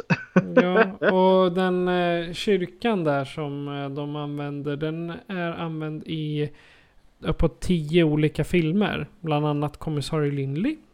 nice. Ja, och jag tänkte vi är inne på platsen nu då. Och sen eh, ska jag också nämna att sjön som de eh, stannar till vid. Du vet där eh, de blir lämnade. Det är Black Pearl Lake. Och det är samma sjö som Eden Lake spelas in på. Oj, kära någon. Mm. Typ eh, 60 år senare. Så, ja. Nej men vad tyckte du om eh, setten får vi säga. För det mesta är inspelat i, eh, i studio. Alltså det här, det, det, det, det är en vacker film. Alltså det, det här är puttrigt. Alltså det är liksom så gotisk skräck med i gamla eh, dammiga slott. Och det, det blir liksom i munkkloster. Det är massa böcker. Och det, det, det är så mycket detaljer att titta på. De är ute och springer i, i en grön prunkande skog, eller skog som tydligen är grön och prunkande mitt i vintern. Eh, men liksom, det, det är en vacker film överlag. Det finns mycket liksom mycket, mycket vackra miljöer att titta på. Både inomhus och utomhus. Och jag tycker väl att Draculas slott känns mer liksom trovärdigt som Draculas slott än vad det gjorde i Horror of Dracula. För det kändes som att, jag vet inte vad. Det var lite för mycket art deco i, i det slottet. Det här var lite mer klassiskt slott. Ja. Vad tyckte du själv? Jag gillade alltså det här överhuvudtaget. Det var fancy pansy för den tiden. Och det är som du sa, den här var betydligt mer trivsam än eh, Dracula från 58. Det var det här lilla... Det hade kunnat vara typ en sån här... Eh, ett landsortshotell. Mhm. Skulle jag kunna tänka mig. Eller en bed and breakfast. Mm. Där eh, man blir upp... Där, där man blir åderlåten. Ha. Nej men alltså det var den känslan jag fick för att... Det var en sån här trivsam eh, stuga du kommer till. Fast i det här fallet då en, ett slott. Mm. Och jag, jag tänkte det var lite typiskt Dracula-stil. Det är inte så många extra perks mer än den hemliga källan bakom det stora skynket liksom. Mhm. Så att, nej men det här... eh, Det, jag, jag tror att den här filmen satte lite stilen för eh, kommande Dracula-filmer. Ja, men den här, jag tycker det, om jag ska gå liksom till slutord över just den här filmen. Det, det är en väldigt bra uppföljare även om den har ett ganska segt mittenparti. Eh, så tycker jag att den här håller liksom kvaliteten högt och de tidiga Christopher Lee Dracula-filmerna är ju faktiskt väldigt bra. Eller håller en ganska konsekvent kvalitet. Ju längre in vi kommer komma eh, när vi når slutet om de, sat- de sataniska ritualerna av Dracula, alltså då är vi i B-filmsträsk så det står härliga till. Så det här är ju en sjunkande skala, men vi befinner oss på toppen än så länge. Ja, har du Jag- några slutord till eh, Dracula? Prince ja, of vi, Darkness. vi, ja, vi har ju bakat in morden överallt Ja. i, i filmen. Så. Alltså problemet med Lees prestation i den här filmen är att han inte får så mycket skärmtid.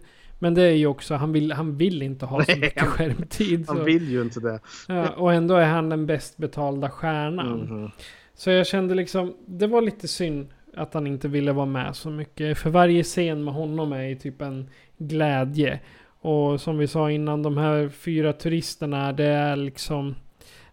De, är, de sitter som kliande plåster, för de är liksom inga intressanta. Och han, eh, regissören då, Terence Fisher, han gör ett ganska bra jobb.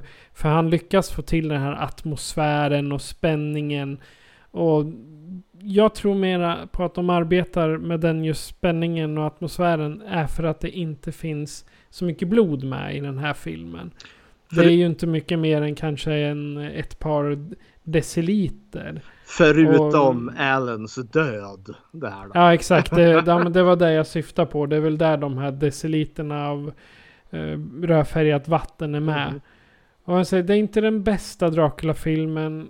Men om man är ett fan av just Dracula och Hammer Horror så eh, måste man ha den här filmen på sina, sin agenda höll jag på att säga. På, I sin watchlist. Så att hade jag gett en betyg hade den fått 3,5 av 5. Det är liksom vad jag tycker den är. Den är okej men inte riktigt bra. Mhm. Okej Fredrik, har du gjort något Bechteltest? Jag har ju det. och kvinnlig representation i, i, i skräckfilm. Och frågorna är ju tre. Finns det mer än två namngivna Eh, kvinnliga karaktärer? Och vi har ju Helen och Diana. Så det finns två. Eh, möter de någonsin varandra? Ja, det gör de. Eh, och eh, tredje frågan, om de möter varandra, pratar de någonting annat än män? Eh, och det gör de också. För det finns ju en scen där då, då bara Helen och Diana sitter i, i Draculas eh, foyer där. Och liksom Helen håller på att liksom ifrågasätta. Ja, men det är så märkligt att eh, hästarna red hit själv och eh, bordet är dukat. Allt här är fel. Och då pratar de liksom om miljön och allt som är knasigt och fel. Och det är inga gubbar med i den konversationen.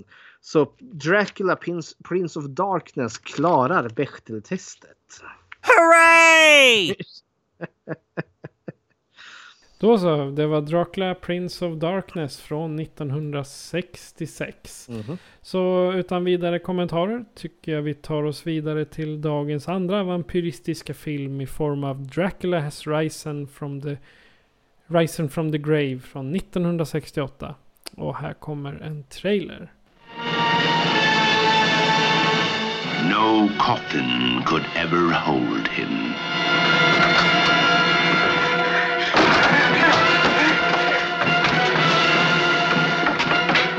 No door could ever bar his way. He is back from the dead. Count Dracula is alive.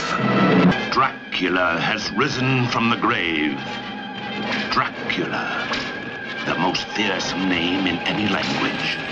The most feared being ever to haunt the living. There is a girl. Maria?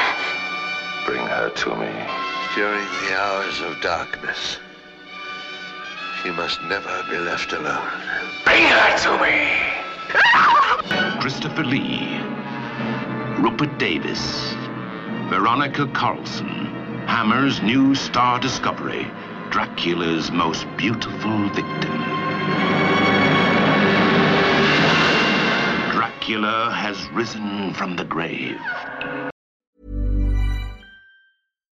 If you're looking for plump lips that last, you need to know about Juvederm lip fillers. With Juvederm Volbella XC and Juvederm Ultra XC, your lip look, whether it's subtle or bold, can last up to one full year with optimal treatment and no additional maintenance. Find a licensed specialist and see if it's right for you at juvederm.com today. That's J U V E D E R M.com. Add fullness to lips in adults over 21 with Juvederm Volbella XC or Juvederm Ultra XC. Do not use if you have severe allergies or a history of severe allergic reactions, or if you're allergic to lidocaine or the proteins used in Juvederm. Tell your doctor if you have a history of scarring or taking medicines that decrease the body's immune response or that can prolong bleeding. Common side effects include injection site redness, swelling, pain, tenderness, firmness, lumps, bumps, bruising, discoloration, or itching. As with all fillers, there's a rare risk of unintentional injection into a blood vessel, which can cause vision abnormalities, blindness, stroke, temporary scabs, or scarring. For full important safety information, visit juvederm.com.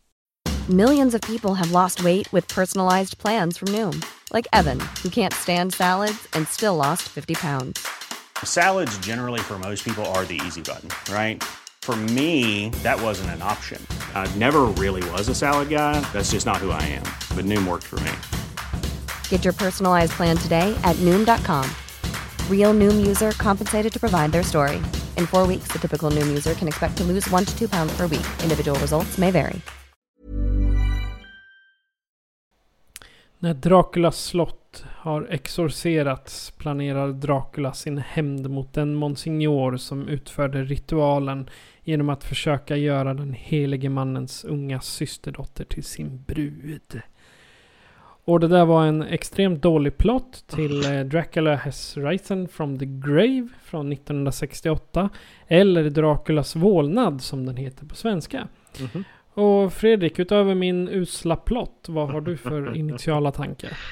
Eh, den här tycker jag är fantastiskt underhållande. Utav alla uppföljare eh, som gjordes här då till Dra Hammer Horrors Dracula-serie så tänker jag säga att den här är i särklass den mest underhållande. Eh, jag tycker den här är väldigt... Ja, den har förbättrat eh, allt som var problematiskt, eller problematiskt, eller det som inte riktigt funkade i Prince of Darkness. Eh, I och med att den har ett mycket högre tempo. Jag gillar hur, alltså, re, de har åtminstone försökt varit koherent med filmen som var innan. Och det finns framför allt väldigt mycket mer intressanta karaktärer i den här filmen än vad det gjorde i förra filmen. Så den här tycker jag är det här är mums. Det här, det här, det här är briljant Christopher Lee Dracula Hammer Horror. Så det är mina initiala tankar. Okej. ehm, jag, jag gillar alltså, det är en bra öppning i den här filmen. Så här, ett år har gått. Greve Dracula återupplivas av misstag. Så, ah, klantarslen. Eh, och självklart då så fortsätter han med sin vanliga terror och när han suger blod. Och sätten i den här filmen är så fantastiska så det kommer vi prata om sen. Det kändes verkligen som om man var uppe i den här bergsbyn. Och just i den här filmen så har, finns det ingen nakenhet. Men det finns sexuella övertoner. Mhm. Som Your dumplings are falling over. Sån här rolig. Däremot får vi mycket blod. Plus nattscener och en virvlande dimma. Kanske inte en av de bästa vampyrfilmerna men den är ändå väl värd att se. Bara lite snabbt eh, introducerande tankar från min sida. Och nu kommer vi till karaktärerna. Mhm. Och Dracula i den här, hur tycker du han eh, tolkas? Det är fortfarande liksom samma Eh, bit. Alltså det, det är en väldigt elak Dracula vi har att göra med. Eh, också hämndlysten. Eh, småsint väldigt mycket. Alltså det här. Här pratar ju Christopher Lee. Han har inte så jättemycket dialog men han pratar ändå. Eh, återigen, han ville ju absolut inte göra den här filmen. Eh, men han ställde upp på det eftersom att eh, enligt egen utsago om han inte gjorde det så skulle ju inte den här filmen spelas in och då skulle så många bli arbetslösa. Så han har ju liksom ställt upp för att eh, de här andra skådespelarna och filmteamet ska liksom få ett jobb. Och det är ju väldigt sympatiskt. Men Dracula är jävlar i mig inte sympatisk. Alltså han, Dracula i den här filmen är nästan lite otäckare i, i hur han behandlar folk. För, för det, jag, jag skrev ner att, liksom att Dracula blir väldigt mycket en symbol för väldigt mycket. Eller jag tolkade in väldigt mycket i Dracula. Alltså, dels så ber han någon form av alltså, symbol för missbruk. Uh, för jag tänker, han, han förvandlar ju en kvinna här bland annat. Uh, som vi kommer till sen då. Sina som karaktären heter. Och hon blir ju så självdestruktiv. För det finns ju den här, alltså hon, oh, hon, hon bara åtrår Dracula. Åh, älska mig, oj, oj, oj, liksom. Eh, han, han skiter ju i henne. Hon är ju ett medel för honom att komma åt han monsignorens eh, brorsdotter där som hans eh, för att ja, han ska få ut sin hämnd. Och, och då vart det ju också för, för det, det är ju återigen i pimphanden är fram här och han liksom slår omkring den här stackars kvinnan som liksom ligger och kryper vid hans fötter och liksom ber om hans kärlek. Eh, när inte hon kan, han kräver saker av henne, gör det här. Och misslyckas hon, ja men då, han dödar ju henne då. Och sen liksom bränn kroppen och den här stackars prästen som han också liksom har i sitt våld. För han blir ju alltså det blir det här missbruket. Eh, han, vi får den här liksom destruktiva relationen, liksom mäns våld mot kvinnor. Jag fick också, jag skrev också upp typ sektledare. Alltså den här personligheten som bara kräver allt utav sina följare.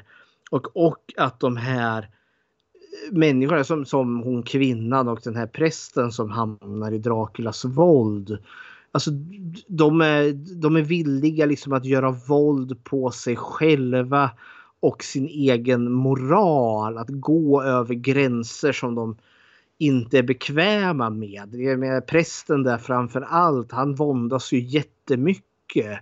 Men kan ändå så inte säga nej till Dracula och gör liksom saker som han skäms något så fruktansvärt över. Och så blir ju verkligen, alltså jag menar Dracula, det är, det är ju våldtäkt när han ger sig efter hon, eh, monsignorens brorsdotter där. Eh, även om det liksom inte är en sexuell våldtäkt på det sättet. Men alltså, han tvingar ju sig på henne i, i, eh, i sängen där när han biter henne i halsen. Och det liksom ja, symboliken för mig var väldigt tydlig. Liksom att ja, men det, det finns sexuella undertoner här. Och det är väldigt mycket en man som tvingar sig på en kvinna. Så Dracula är verkligen eh, ett stycke otäckt, eh, vidrig jävla ondska i den här filmen. Det, det är min hot take på Dracula i, i den här filmen. Vad tyckte du om Dracula? Alltså du har sagt det mesta jag tyckte om Dracula. Jag, jag tycker det, det var ungefär samma som förra filmen fast Mm. nu pratar han. Ja. Han är lika sliskig och elak. Precis som, som förra filmen. Mhm. Så att, men jag skulle vilja studsa till eh, kardinalen eller monsignor. Mhm. Är han kardinal eller är han präst eller vad är han? Ja, Han är katolsk i alla fall. Ja, det är han och det blir en poäng i filmen där sen. Alltså jag vet inte, jag tror alltså det är en titel han har det där Monsignor och jag tror en kardinal Eh, liksom är mer knuten till, till Rom. Alltså det är mer liksom ett styrande eh, bit. Jag, jag har inte riktigt kläm på den katolska hierarkin. Men vi förstår ju att Monsignoren han är ju ute eh, han är ute och gör inspektioner. Det känns som att han är, har någon form av förhöjd position. För han är ju ute och inspekterar eh, ja, hur, hur det står till i kyrkan där. Så, eh, jag vet liksom att som här i Svenska kyrkan så har du ju liksom biskopsvisitationer brukar det ju vara. Men biskop, så hö, hög position har han, in, har han inte. Jag vet inte om det är någon sån motsvarighet till någon form av kyrkoherde. Som liksom har ett mer alltså, administrativt ansvar för prästerna och prästernas församling. Så, så tolkade jag honom. Alltså den arbetsposition han har. Monsignor är eh, inom romersk-katolska kyrkan en honorär titel som tilldelas särskilt förtjänta präster. Jaha, se där. Så han är ju typ en... Eh, ja, han har fått... Han är någon präst 2.0 eller någonting. Han har, ut, han har utmärkt sig. ja, exakt. Han är präst med ett plus i kanten, så kan ja, vi säga. Ja, kära någon. Ja. Men eh, jag, jag vet lite längre fram när han är inne på eh, baren tror jag. Mm -hmm. Jag vet inte om det är han eller om det är en annan präst som bara säger Du är väl ingen protestant? Nej, det är ju när han träffar Paul där sen. Eh, ja, just det. Ateisten ja. Ja.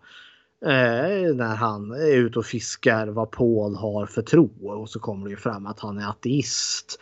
Vilket han reagerar väldigt negativt på. Eh, men eh, Monsignoren i sig då? Vad, vad tyckte du om den karaktären? Jag skrev sur gammal gubbe. Okej. Jag tyckte mest han var, han suckade och stönade över det mesta han var tvungen att utföra. Så att, ja, han var inte så, så rolig. Jag hade hellre sett någon som hade lite jävlar anamma i sig. Jag tänker, nu när jag såg den här, jag, jag, hade, jag gillade Monsignoren ganska mycket i början. Eh, det, det, sen vart han ju väldigt osympatisk när han eh, shamear Paul där och beter sig riktigt illa. Eh, och sen dör han ju senare liksom i, i bok, eller i filmen när Dracula börjar härja lös. Uh, vilket jag tyckte var lite synd för, det, för han är ju den som in, uh, han har ju nästan huvudrollen i början. Det blir liksom som att det är han som är frontfiguren. Uh, och jag trodde liksom att vi skulle få ett mer karaktärsark med honom för att han blir så arg på Paul där. Men sen är det ju när hans brorsdotter är hotad av Dracula eh, att han måste ju ta hjälp av ateisten där eh, för att besegra Dracula. Men tyvärr så dör ju han. Så... Både han och prästen dör ju. Ja, gör verkligen prästen det? Ja, det är fyra, tre, tre män som dör. Och då är det dels eh, Rupert Davis då, eller Monsignoren. Mm -hmm. Och sen Evan Hooper som spelar präst. Ja, Han dör också. Och så är det Christopher Lee som jag, dör. Jag tolkar ju med, de man, manliga. Ja, jag tolkar ju mest bara som att han eh, svimmade i slutet utav ansträngningen. För det, han bryter ju äntligen kontrollen över Dracula. Men vem vet, det, det, det är kanske en ansträngning så jävla hård så att man dör han fick, han fick hjärtattack och dog. så kan vi säga. Och sen eh, det är ju... Det, anteckning jag gjorde på dem var ju att båda Guds män åker på det. Ja, jo. Förvisso. Nej men eh, jag upplevde Monsignoren sympatisk i början. För han, han har ju nästan, det, det, är lite samma karaktär som Fader Sandor från förra filmen. Han kommer till den här kyrkan eh, och ska inspektera. Eh, och han gillar inte riktigt det han ser. Eh, och så eh, skammar han bybefolkningen för att de är vidskepliga. Dracula har varit död nu. Eh, så de kan sluta liksom bete sig. Men vilket eh, jag, jag, kan köpa till bybefolkningen. Alltså förra gången så var Dracula död i tio år men fanskapet kom tillbaka. Nu har han varit död i ungefär ett år. Så liksom nej, jag skulle inte riktigt vila med, med, med, en fiende som kan komma tillbaka från de döda. Så jag, jag kan förstå deras oro.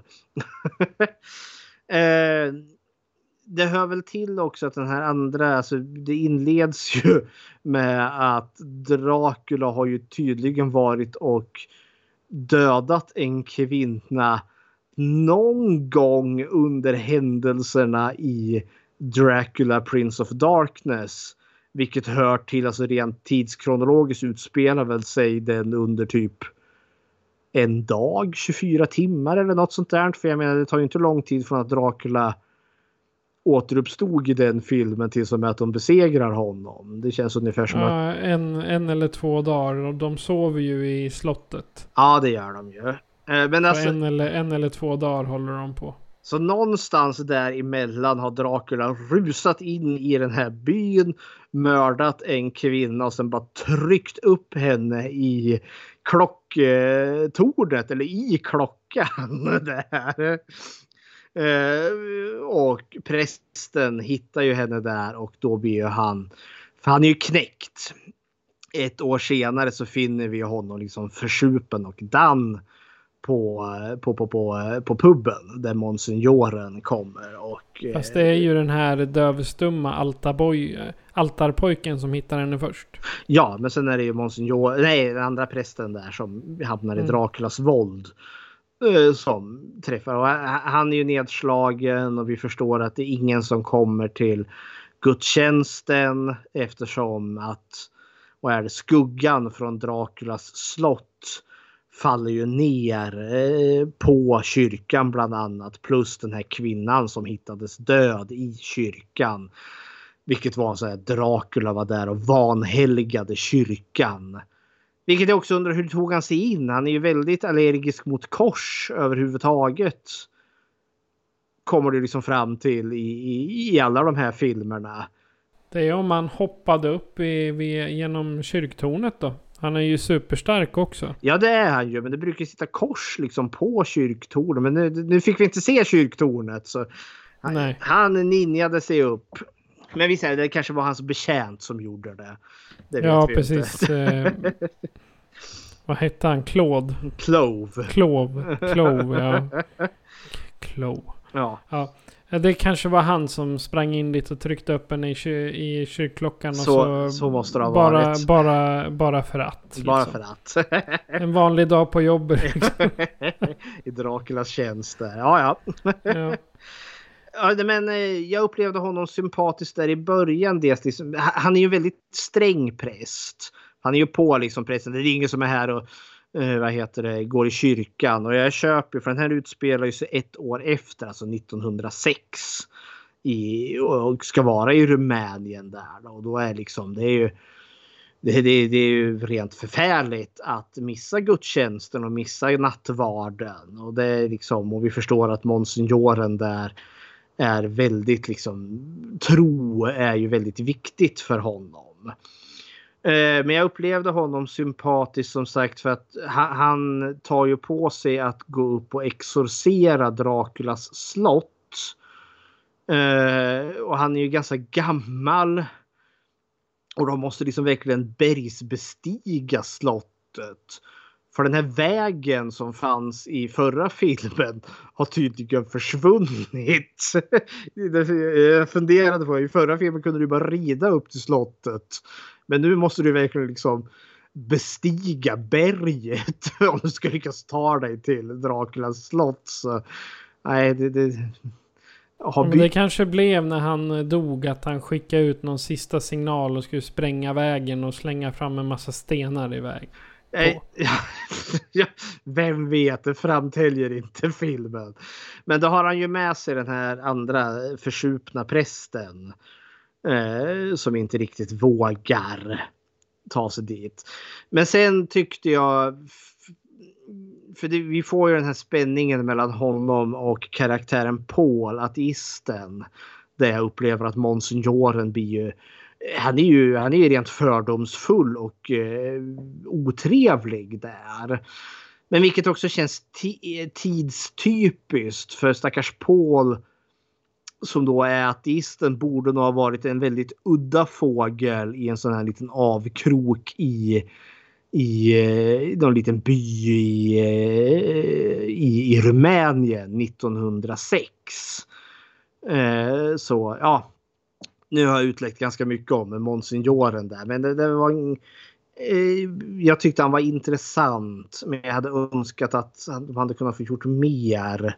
Det känns som att de bygger upp den här spänningen mellan att vara troende och icke-troende. Men i slutändan blir det inte så mycket av det hela. Så häpp hepp. Nej, men det, det ska jag också nämna som jag skulle ha nämnt i, i början. Att det här är verkligen en, en film som har en första akt på fem minuter. En andra akt som tar ungefär hela filmen och sen en tredje akt som är typ tre fyra minuter innan filmen är slut. Ja. Det är ungefär så den är uppbyggd. Det är därför jag tyckte att den här Monsignoren var lite trist och att jag tyckte det, han var sur. En sur gammal gubbe. Men i alla fall då, om vi går vidare till nästa. Maria, eller Veronica Carlson. Henne, skulle, henne skulle jag ha klassat som en final girl Mhm. idag i en slasherfilm. Mhm. Eh, hon är rätt så cool. okej. Eh, Även om hon är lite av det här, eh, ska man säga den hysteriska kvinnan även här. Men hon är ändå den som står stark i, i slutet så att säga. Och det är Ja, inte första skräckfilmen hon var med i det här. För hon var med i Frankenstein två gånger efter den här också. Se där. Hon lever fortfarande. Yay. Uh, nej men visst, vi, vi är ju inte riktigt alltså, tidskronologiskt i Final Girl-territoriumet utan det här är ju verkligen fortfarande då, då kvinnan måste räddas från monstret uh, Eh, utav en man i regel. Så, så det, det, det är fortfarande lite trist i den här men det hör ju också lite till den här plotten. Jag menar Dracula är ju ute efter henne specifikt.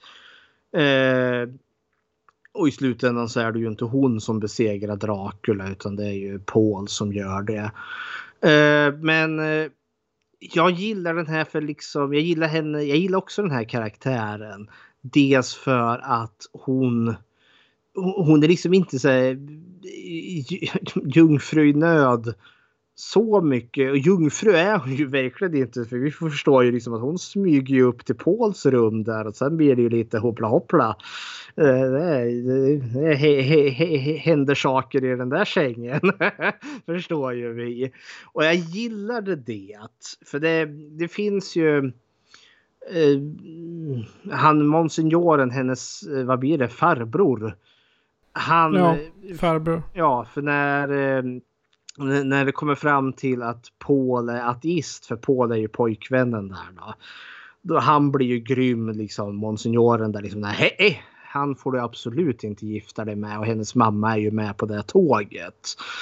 Och det är också, det, det är väl också, passar väl bra för den, när den ska utspela sig. Att hennes vilja över vem som hon ska bli ihop med är inte hennes utan att eh, eh, ja, hennes föräldrar eller äldre män i hennes släktskap är där inne och tycker och tänker. För Paul kan hon inte bli ihop med för han är inte troende. Eh, och det störde jag mig på. Men passar ju för tiden som den är i. Och jag gillar också då att vi får ju liksom att ja, men hon, hon skiter ju i det. Hon, hon sticker ju till Paul i alla fall. Ja. Eh, Sina då? Det, henne vet vi redan att det är eh, Draculas lilla gosseflicka. Eh, men eh, jag, jag, en, en scen som jag reagerade på där var att hon bestämde sig för att skälla ut prästen. Jaha, när då? Det är ju i början av filmen. Hon håller på och serverar eh, öl eller någonting och skäller ut honom för att han Ja, för att han super och inte gör sina uppgifter ute i byn. Det kommer jag inte, alltså för hon... Hon träffar väl, alltså första gången hon träffar prästen är ju... Nej, det, det är inte prästen hon skäller ut. Det är... Eh, förlåt, det är Marias pappa som hon skäller ut. Eller ja, hennes... För han är ju inte... Han är uncle. Jag vet Mm. inte om... Nej, ja, farbror. Det är honom hon skäller ut. Nu blandar jag ihop dem. Ja, ja. Jag trodde han var präst först, men Mm. det är han ju inte. Ja men det är ju alltså Sina, den karaktären gillade jag också. Det är ju lite med Maria och Sina där. De är ju lite ställda mot varandra. Det är lite jungfrukaraktären och hon. Eftersom att Sina är ju barflickan som vi förstår är väldigt sexuellt aktiv. Hon har många män i byn där. Eh, och jag vet inte, du sa kalla henne för Draculas lilla goseflicka. Jag skulle kalla henne för Draculas slagpåse. Han är så jävla grym och elak mot henne. Eh, Jo, men jag sa hans, hans goseflicka. Sen vad han eh, an, anser är gosa, det är ju Ja, upp till nej, honom. det, ja, det förstås. nej, men. Eh, eh, hon känns också liksom uppbyggd för att den här karaktären ska ju bli mördad. Men jag upplever också att karaktären svartmålas inte riktigt på det sättet. Alltså även om jag liksom, liksom kallade henne för hon här så behandlar inte filmen riktigt henne som det utan för karaktärerna är ju väldigt glada i Sina och hon är ju lite av en kärleksrival till Maria också. Och, jag gillade karaktären eh, för jag gillade att hon var liksom hon, hon kunde ju liksom Hon bet ifrån. Ja, hon bet ifrån. Hon kunde ju ge, för hon får ju liksom dumma kommentarer där av studenterna på, som är där och super. Men hon kan ju ge tillbaka till dem. Eh, Hey, your dumplings are falling out. Ja, när han tittar ner i liksom hennes eh, byst där. Eh, men jag, jag, jag fick känna liksom att det, det är en tjej med skinn på näsan. Och det är också därför när hon väl faller offer för Dracula, vilket jag tyckte var en dels hon, blir ju jagad utav, alltså Dracula har ju satt, tagit den här prästen i besittning. Han har hypnotiserat den här stackars prästen som blir hans betjänt i den här filmen. Eh, och när hon blir tagen av Dracula första gången det är när hon är ute och går. Hon är på väg hem från jobbet. Varpå hon går förbi den här droskan. Eh, den här svarta droskan med prästen som sitter där. Eh, och så börjar ju han jaga henne eh, i den här. Alltså kommer ju efter henne med hästarna där. Och vagnen. Och något jag gillade i den här som var tvungen att skriva upp är ju att ja, men hon avviker från vägen och börjar springa zigzag mellan träden. För i vanliga fall när man ser så här jakt, någon på, på fot som blir jagad av ett fordon så är det alltid så jävla frustrerande för ja men du springer bara liksom rakt längs vägen. Spring in i en gränd, spring in liksom där fordonet inte kan komma åt dig. Och det gör hon ju just i den här. Vilket jag liksom säger, ah nice! Det är sådana detaljer som jag tycker om. Nu är det ju ett problem att det är ganska glest mellan de här träden. Så han kan ju komma efter henne visserligen, men det gör ju det svårare för honom. Men sen lyckas hon ju komma in i ett ganska snårigt buskage och vem står där? Jo, då är det ju Dracula och då är det ju kört för han hypnotiserar ju henne. Och den biten, alltså när hon är i hans våld. Den tycker jag, det, det skrev jag innan här liksom om missbruket, sektledaren, eh, hustrumisshandeln, den här destruktiva relationen. För jag tycker, jag tycker synd om henne. För hela hon blir ju liksom upptagen utav Dracula.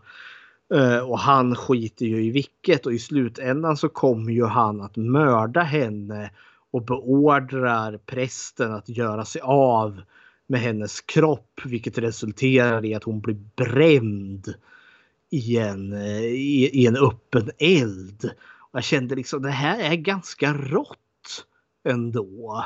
Även om vi inte får se liksom det som händer. Men liksom när jag tänker till det, det, det är ett ganska grisigt människoöde. Så, så jag varit berörd av stackars Sinas öde här. Och även om hon liksom blir att hon springer i Draculas tjänst så känner jag liksom inte att filmen försöker göra henne till en ond karaktär. Ondskan ligger hela tiden hos Dracula för det ligger verkligen, alltså det, det är så uppenbart att hon inte agerar utifrån sig själv utan det är liksom hon är liksom Draculas förlängda hand. Jag vet inte, hur tänkte du kring henne? jag hade lite... Jag var inne på att hon var likadan som Helen i för, förra filmen. Mm. Att hon liksom... Dels är han elak mot henne och dels så gör hon liksom Oh my master! Mhm. I will do whatever you please. Även fast Helen inte säger så. Men Nej. Det var... Alltså... Det, jag är mera inne på det här med hustrumisshandel och det övergrepp och... Jag hade svårt för att se allt han gjorde med henne. Det var, det var inte skräckfilm längre. Det var mera snufffilm. Alltså av... det, det, ja, men det, är li- jag- det är lite att ta i. Jo men jag hade, alltså jag hade ju eh, Patricia som vi hörde i förra, Mm. förra avsnittet. Hade, hade jag med mig och titta på den här. Och hon tyckte inte heller om det. Jag menar hon är kvinna och liksom man blir illa berörd. Mm. Även, oavsett om hon är Draculas förlängda hand så blir man liksom berörd av det. Det finns ju inget av det här liksom romantiska skimret av att vara vampyr i den här. Det är inte den liksom True Blood eller Twilight där liksom att vara vampyr det är ju liksom att få jackpot. Här är du ju verkligen, blir du vampyr i Draculas våld, alltså du är ju verkligen en viljelös slav. Till, alltså det, det är verkligen en förbannelse i de här filmerna. Har vi en kvar? Ja vi har Paul kvar. Paul, huvudkaraktären. Ja Inte just bort det. honom. Vad taskig jag. Men han är nummer fem på listan av, väl, av de bäst betalda. Så det, Ja, därför jo. hamnar han lite efter. Mhm. Men Paul då? Hur är... Eh, vad tycker du om honom? Det är ju våran hjälte i den här filmen. Ateisten. Stackaren där. Eh, nej men jag gillar, alltså han är ju verkligen Alltså det, det är roliga karaktärer vi har och jag intressanta karaktärer i alla de här som vi har tagit upp nu. Med, med lite komplex och djup till sig. Och Paul han är ju liksom Eh, det är lite eye candy där. För när han introduceras, han är ju bagarlärling eller något sånt där. Så står han ju där liksom eh, i bar överkropp, liksom svettig och dan och håller på och bakar bröd i, i brödugnen där. Liksom, och musklerna bara glänser där. Så liksom även om kvinnorna hårt sexualiseras med sitt eh, med sina urringningar där så fick vi lite nu ja, för, ja, ja, till, till kvinnorna också med lite manligt halvnaket här. Nej, men han är ju väldigt skojfrisk karaktär. Och vi förstår också att det är en ganska intelligent karaktär för han håller på och studerar på sin fria tid och så arbetar han på det här bageriet slash eh, tavernan. Och så är han ju förälskad i Maria där. Och till en början så trodde jag liksom att det här skulle liksom vara så här, du vet, douche-karaktär, en liten fuckboy som liksom bara oh, För han kan ju liksom hålla ganska jämna steg med de här studenterna som är där och har sin dryckeslek med det här ölglaset. Som de har, man ska tydligen vad är det, balansera en ölsejdel på ett kvastskaft. Medan du liksom eh, håller den i ena handen och så ska du gå en cirkel runt medan du dricker ur en annan ölsejdel medan de andra sjunger en sång. Så, Väldigt logisk dryckesstil. Ja! och liksom grejen att misslyckas du så tappar du ju ölsejden på dig. Men eh, han kan ju det där så då förstår vi ju att ja, han, han, eh, han, han kan parta med killarna också. Men sen visar det sig att han, det är en ganska djup och uh, innerlig karaktär. För han, för han kommer ju på, vi är bjuden på den här middagen till Marias hem där monsignoren uh, eh, finns. Uh, och vi förstår liksom att han dricker tydligen bara öl. Uh, och först trodde jag att nej, han bara ljuger för att imponera på, på den här prästen, monsignoren där. Men så förstår vi ju att så in, inte alls är fallet för han blir ju han, han blir utslängd därifrån. Och så vill han dricka lite sprit och han tål ju ingenting för han blir full på en gång. Så då, då stämde det ju. Nej men just det där att ha, han är ärlig och öppen för det är just den här scenen då monsignoren är där och liksom, för, för de klickar väldigt bra i början. Eh, och liksom har liksom, ja, men trevliga samtal där. Och sen börjar ju monsignoren fråga just om hans tro. Och då har det hört till det att Paul har ju liksom sagt innan, ja men eh, han är ärlig och öppen och monsignoren har ju sagt, ja men jag uppskattar ärlig och öppenhet. Och de får liksom en bra relation och sen frågar jag honom liksom vilken tro det är. Nej, då, då, då blir han ju lite avig och det är då monsignoren säger, ja men du är väl inte protestant? Lite så här roligt. Och det är då han säger, nej jag är ateist. Och det är då det brinner för monsignoren där som bara shamear honom. Nej, vem fan är det? Svär gör han ju inte, men liksom kommer här och hädar i mitt hus. Och det blir ju jätteotrevlig stämning där och då. Och han, Paul kontrar ju det. Ja, men du sa ju att du uppskattade ju ärlighet och nu var jag ärlig. Och monsignoren han, han har det inte bara. bara. Ut ur mitt hus. Alltså Paul har blivit någonting vidrigt och äckligt i, i monsignorens ögon. Uh, och jag kunde läsa in så mycket i det där. Dels för att skådespelaren gör det ganska bra. Så han är, försöker vara ärlig. Och han är ärlig och han är artig. Monsignoren beter sig riktigt jävla illa där. Och man förstår vilken kränkthet det finns där. Så det var så enkelt att föra över Paul på sig liksom Säg att det skulle vara som att du kommer ut ur garderoben som en homosexuell person och så möts du av den här ilskan och så blir du förskjuten från familjen. Eller liksom vad som helst som liksom är normbrytande. För jag kan tänka mig att vara ateist här liksom 1906 i, i Kleinenberg eller Burg som de utspelar sig i den här filmen. Att han är en udda fågel. Garanterat. Eh, ja, han är i minoritet. Eh, och när han blir öppen och ärlig om det så förskjuts han. Och han säger också senare att han hade önskat att vi kunde haft en öppen och ärlig liksom, diskussion, kunna samtala kring det här. För monsignoren verkade ju så...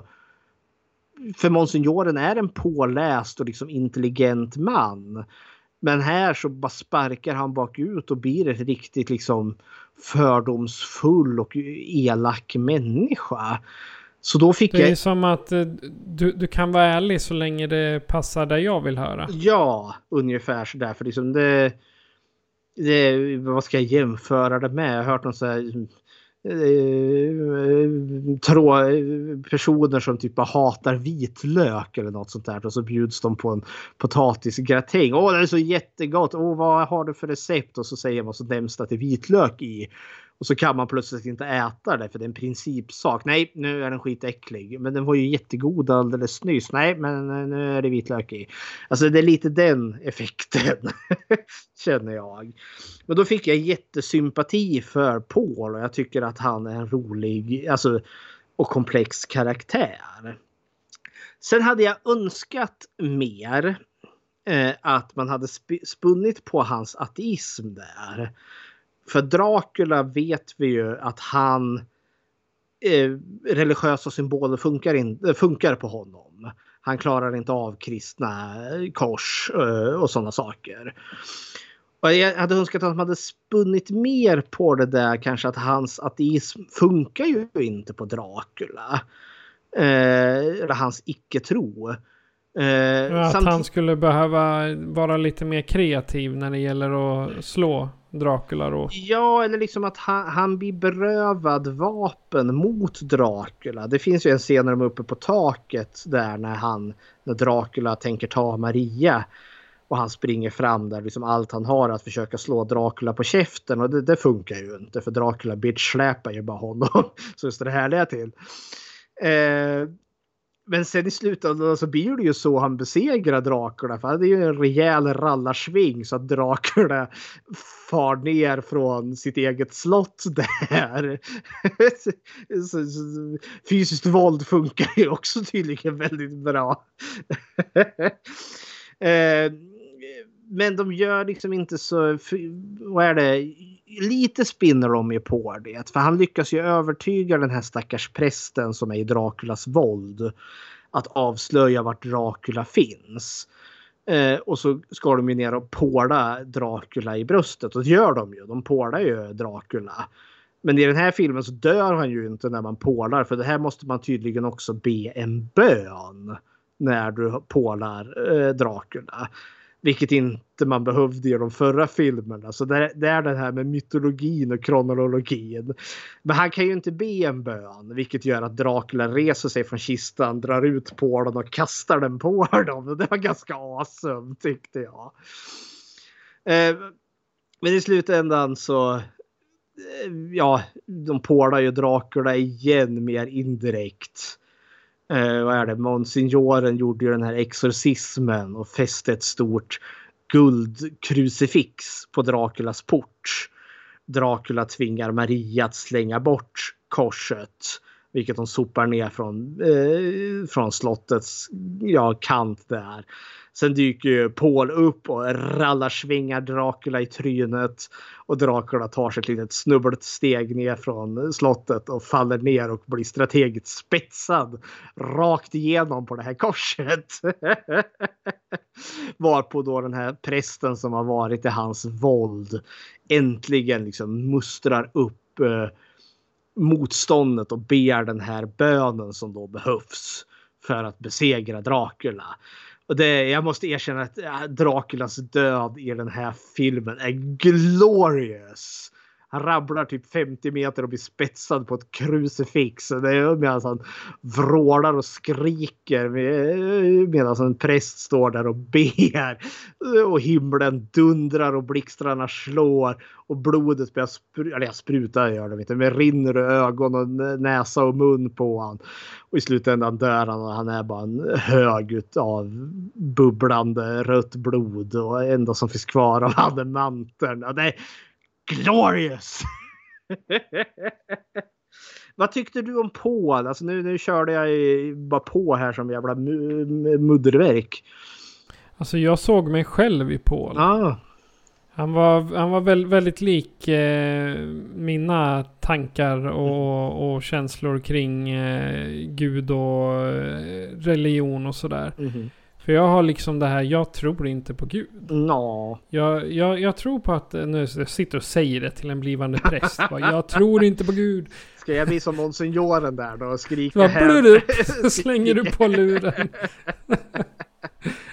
Ja, men i alla fall. Det, jag, jag har ju sagt att jag, jag tror inte på eh, Herren, eh, Gud eller vad man ska säga. Jag tror på något högre men inte just Gud.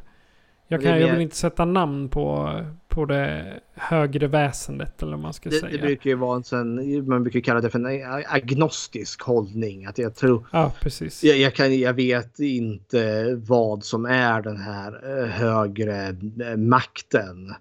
Medan det som skiljer till mig då är att jag mer har ju sagt ja men den här Jesus, jag har satsat min 50-lapp på honom. jag har mer sagt att ja, där är det.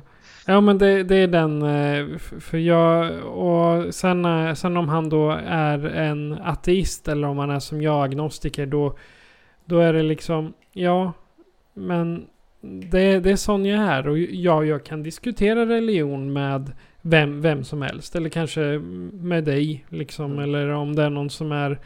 Om någon skulle vara muslim eller hindu. Det, det, skulle inte spela mig någon roll. Men jag skulle inte ha samma tro. Nej. Jag skulle inte tillbe någon av de gudarna eller en annan gud. Utan jag är mera, det finns ett högre väsen men jag vet inte vad det är och jag är inte intresserad av att veta vad Nej. det är. Det är så. Så att det, på det viset ser jag väldigt mycket utav mig i Paul och hur han agerar. Tänk, för Paul får ju aldrig någon sån här, och det, det uppskattade jag faktiskt, hör och häpna, att han inte fick någon sån här, oh han föll ner på knä och kom till tro. För det hade känts lite cheesy och det hade känts som att man liksom verkligen hade eh, sagt att hans ateism var dålig. Men ändå så när Dracula väl är död efter att prästen har sagt den här bönen eh, det sista vi får se så gör han ju faktiskt korstecknet. Tolkade du det liksom som att ja, nu fick han tro eller? För, för jag tolkade inte riktigt så utan snarare mer som att han kanske gjorde det ja, för situationen som var. Det kändes liksom lite lämpligt att göra korstecknet där och då. Men samtidigt också har man ju bokstavligen sett ganska övernaturliga saker med Dracula och hela konkarongen. Men det är tillräckligt diffust för att det inte ska bli ett tydligt svar känner jag. Ja, exakt. Alltså jag, jag trodde, tror mera han blev så här caught in the moment som Mhm. man säger på engelska. Liksom man såg att de troende runt om gjorde korstecken och tackade Gud och sådär. Och då, äh, det är bäst jag gör det jag också. Bara, bara för att liksom. Ja, kära någon. Jaha. Det är mycket symbolik som är förmodligen inte ens är menad i den här filmen. Men det finns Säkert mycket sådana här. Ja, skulle vi prata lite platsen? Ja, eller ska, har du något att säga om prästen eller har vi pressat ut Ja, allt vi kan få? Stackars prästen där. Evan Eh, Hooper. Ja, han var dubbad tydligen i den här filmen läste jag mig till. Jaha. Eh, ja, se där. Han ku- kunde kanske inte prata bra engelska, vad vet jag. Nej, men eh, det är lite samma där som med Sina. Att han är väldigt mycket ett offer. Uh, och han får ju mer kanske då av en character arc i och med att han eh, faktiskt i slutändan bryter med, med Dracula. Uh, och ändå så har han ju gjort ganska hemska ting. Han bränner ju sina. Han dödar ju monsignoren där som han slår i huvudet med den här takpannan. Men i slutändan så kändes han, alltså han kändes inte som en skurkkaraktär utan som en enormt tragisk karaktär. För liksom när han bränner sina så ser man ju liksom sorgen i hans ansikte. Eh, vilket också en sån där som gjorde att Dracula blir lite hemskare. För han, han tvingar verkligen folk att göra vidriga ting som liksom krossar deras livsgnista och själ. Så ja, hepp. Var... Jag tänker lite på Jim Jones där. Hur likt, alltså hur likt hans agerande är. För han, eh, Jim Jones fick ju också folk att göra hemska saker. Tänker du, de- tänker du Dracula då? Ja, Drac Draculas ja. Mhm. Han, eh, jag menar Jim Jones han fick väl en hel jävla sekt att ta liv av sig. Han fick ju det. Ja, och jag menar Dracula han får ju en eh, helt, alltså en präst till Mhm. och med. Till att ta liv av en annan människa. Mhm. Och jag, jag vet inte hur eh, prästeden är men jag gissar att man inte får eh, döda i Draculas namn. Nej, det är en big no-no på den. Ja, vad tycker du om eh, platsen som det här spelades in på då? Eller hur de hade gjort upp sätten? För de är än en gång vid Black Park Lake. Mhm. Och så var de i Pinewood Studios. Alltså grejen, här känns det ju som att, i, i, eh, att vi mer rör oss i den här staden, Kleinenburg eller vad den nu hette. Och det, det är ju en liten skillnad från förra filmen för då var vi liksom i Draculas slott eller i munkklostret. Eh, eller sprang omkring i, i skogen där. Och det var inte så mycket. Det, Det, det, vi tar ju inte ens in i Draculas slott i den här filmen. Vi, vi kommer till Draculas port. Eh, och sen är det ju lite spring i skogen men majoriteten är ju i den här staden och i den här puben. Och jag gillade det. Att liksom, för I de andra filmerna har vi också haft pubbar men då är det alltid de här vidskepliga eh, stackars byborna som lever i skuggan av Dracula som alltid är otrevliga och eh, att de inte har flyttat därifrån det förstår jag inte. Men här var det ju liksom mer, det är en större stad, husen står tätare eh, och det är liksom mer tjo och kim och liksom lite mer vardagsliv. Eh, de har framförallt studenter vilket tyder på att det finns ett, eh, en skola där också. Ja, och det, jag menar Paul håller ju också på att studera så vem vet det kanske finns ett universitet någonstans där i närheten. Så jag gillar liksom den här mer urbana settingen. Den är inte så gotisk så som förra filmen är. Att vi inte är i ett gammalt eh, mörket slott. Utan vi är liksom mer i antingen på den här baren, bageriet eller det här hemmet som Maria bor i. Så den är, den är mer vardaglig. Och det, det, återigen, det är snyggt, det är, mycket, det är mycket detaljer, det är mycket scenografi. Det är mycket liksom att titta på, precis som med förra filmen. Så eh, jag, jag gillar det. Ja. Jag tycker att det här är en av de bästa sätten för Mhm. att göra en Dracula-film då. Även om det är lite så här smått ologiskt vissa ställen så tycker jag ändå om byggnad, alltså själva uppbyggnaden. Och det- känns alltså genuint som om vi är i byggnaden eller puben och har filmat på plats i en pub.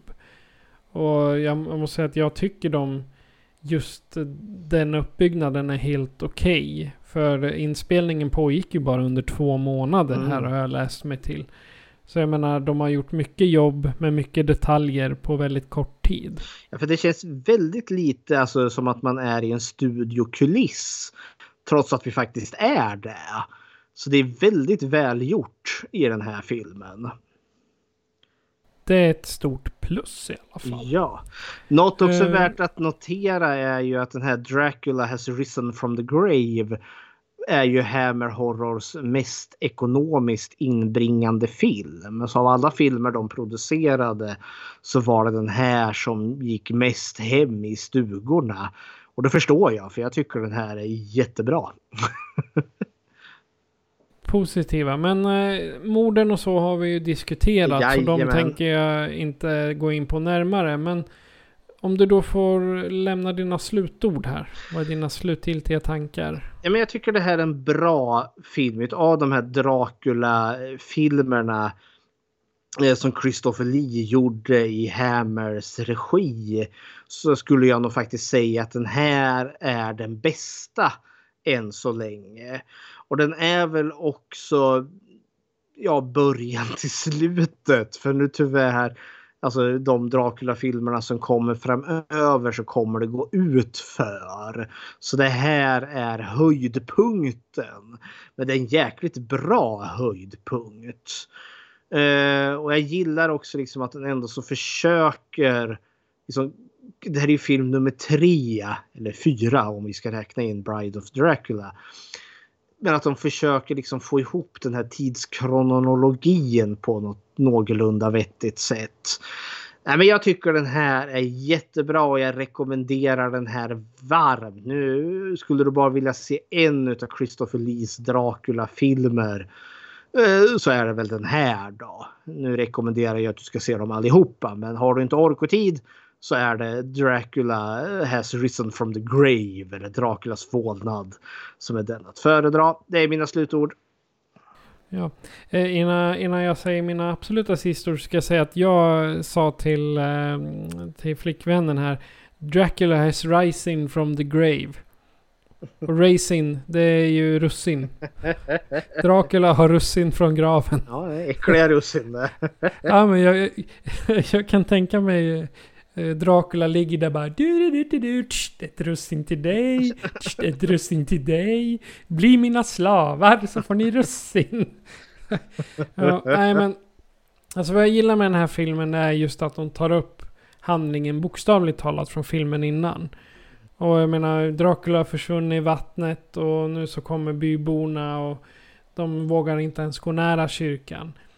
Och så kan man ju tänka sig visa vem som är tillbaka, bittert galen. Mhm. Och så kan han inte komma in i sitt eget slott. Mm. Alltså jag skulle också vara skitförbannad om jag vaknade upp ur döden och, in, och tappade bort nyckeln liksom. och det, det, det finns eh, i stort sett bara höjdpunkter i den här filmen. Det, då menar jag både scenario och den visuella stilen. Och man kan ju säga att eh, det vi pratade om mellan monsignoren och systerdotterns pojkvän, liksom det, när han erkänner att han är, att han är ateist. Det, det blir den här riktiga plottutvecklingen. Och om man tar det utöver den eh, grundläggande Dracula-berättelsen som är. Minus i den här filmen är den långa, långa, långa, långa, långa, långa uppbyggnaden innan den första killen kommer. Alltså första mordet. Och plus så är det musiken. Musiken för allting framåt. Både introt och outrot. Det är det som räddar eh, film, den här filmen från att få en tvåa utav mig. Utan jag ger den här tre av fem och det är bara tack vare musiken. Mm. Har du gjort något Bechteltest på den här? Det har jag. Vi har tre namngivna kvinnor i den här. Vi har Maria, vi har Sina och så har vi Anna, alltså Marias mamma där då. Möter de varandra? Ja, alla tre kvinnliga karaktärer möter varandra. Men sen springer jag på patrull eh, med fråga nummer tre. Om de pratar med varandra gör de det om någonting annat än män. Det var jäkligt svårt. Eh, och för den enda gången jag fick en scen är ju när Paul ligger full i sängen där och Sina håller på att klä av honom och Maria, eller Maria kommer in där. Eh, att de liksom pratar liksom om situationen i sig. Men sen är det ju liksom, ja men de ska hjälpa fulla Paul där. Så, eh, så jag, jag försökte verkligen men tyvärr. Den här faller på sista frågan för det är ingen av konversationerna de namngivna kvinnorna har eh, involverar alltid en man. När de pratar om en man eller tankar kring en man eller intresset om en man. Så nej, Dracula has risen from the grave klarar inte Bechteltestet.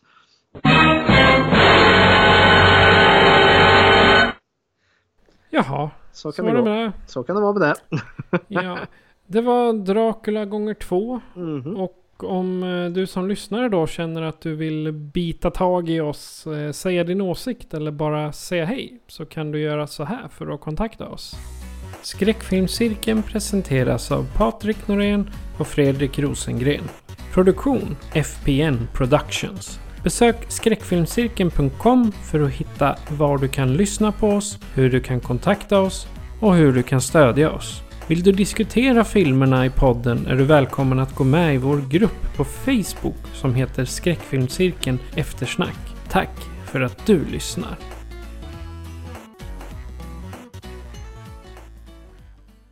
Och Fredrik, vad har vi att bita i till nästa avsnitt? I nästa avsnitt då kommer vi avhandla en subgenre inom skräckfilmen som är bland de mörkare och eh, mer edgy. Eh, mer obehagliga filmer. Vi kommer ge oss an genren Rape Revenge. Våldtäkt och hämndkategorien. Och vi kommer att se eh, filmen American Mary från 2012. Så vi får se. Nästa avsnitt kanske blir ett riktigt tungt avsnitt för det är ganska otäcka ämnen som kommer avhandlas där. Det är en väldigt tung film också. Ja, till viss del. Inte så jävla hård som typ Eden Lake som bara lämnar en gråtandes i en liten hög. Men en ganska mörk sak. Ja, ja. ja, men eh, vi drar oss ner i kistorna igen och eh, vi har bara en sak kvar att säga och det är att jag heter Patrik. Och jag heter Fredrik. Du har lyssnat på Skräckfilmscirkeln. Adjö. Ajöken. It's just beneath the skin I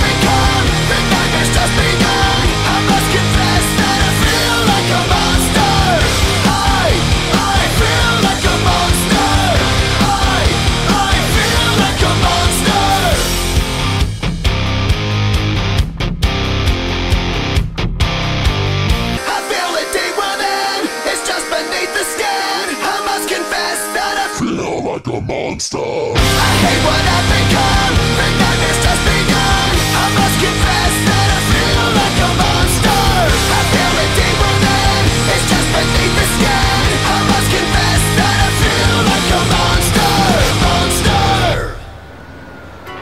FPN Productions. We lost them. They're out in the open.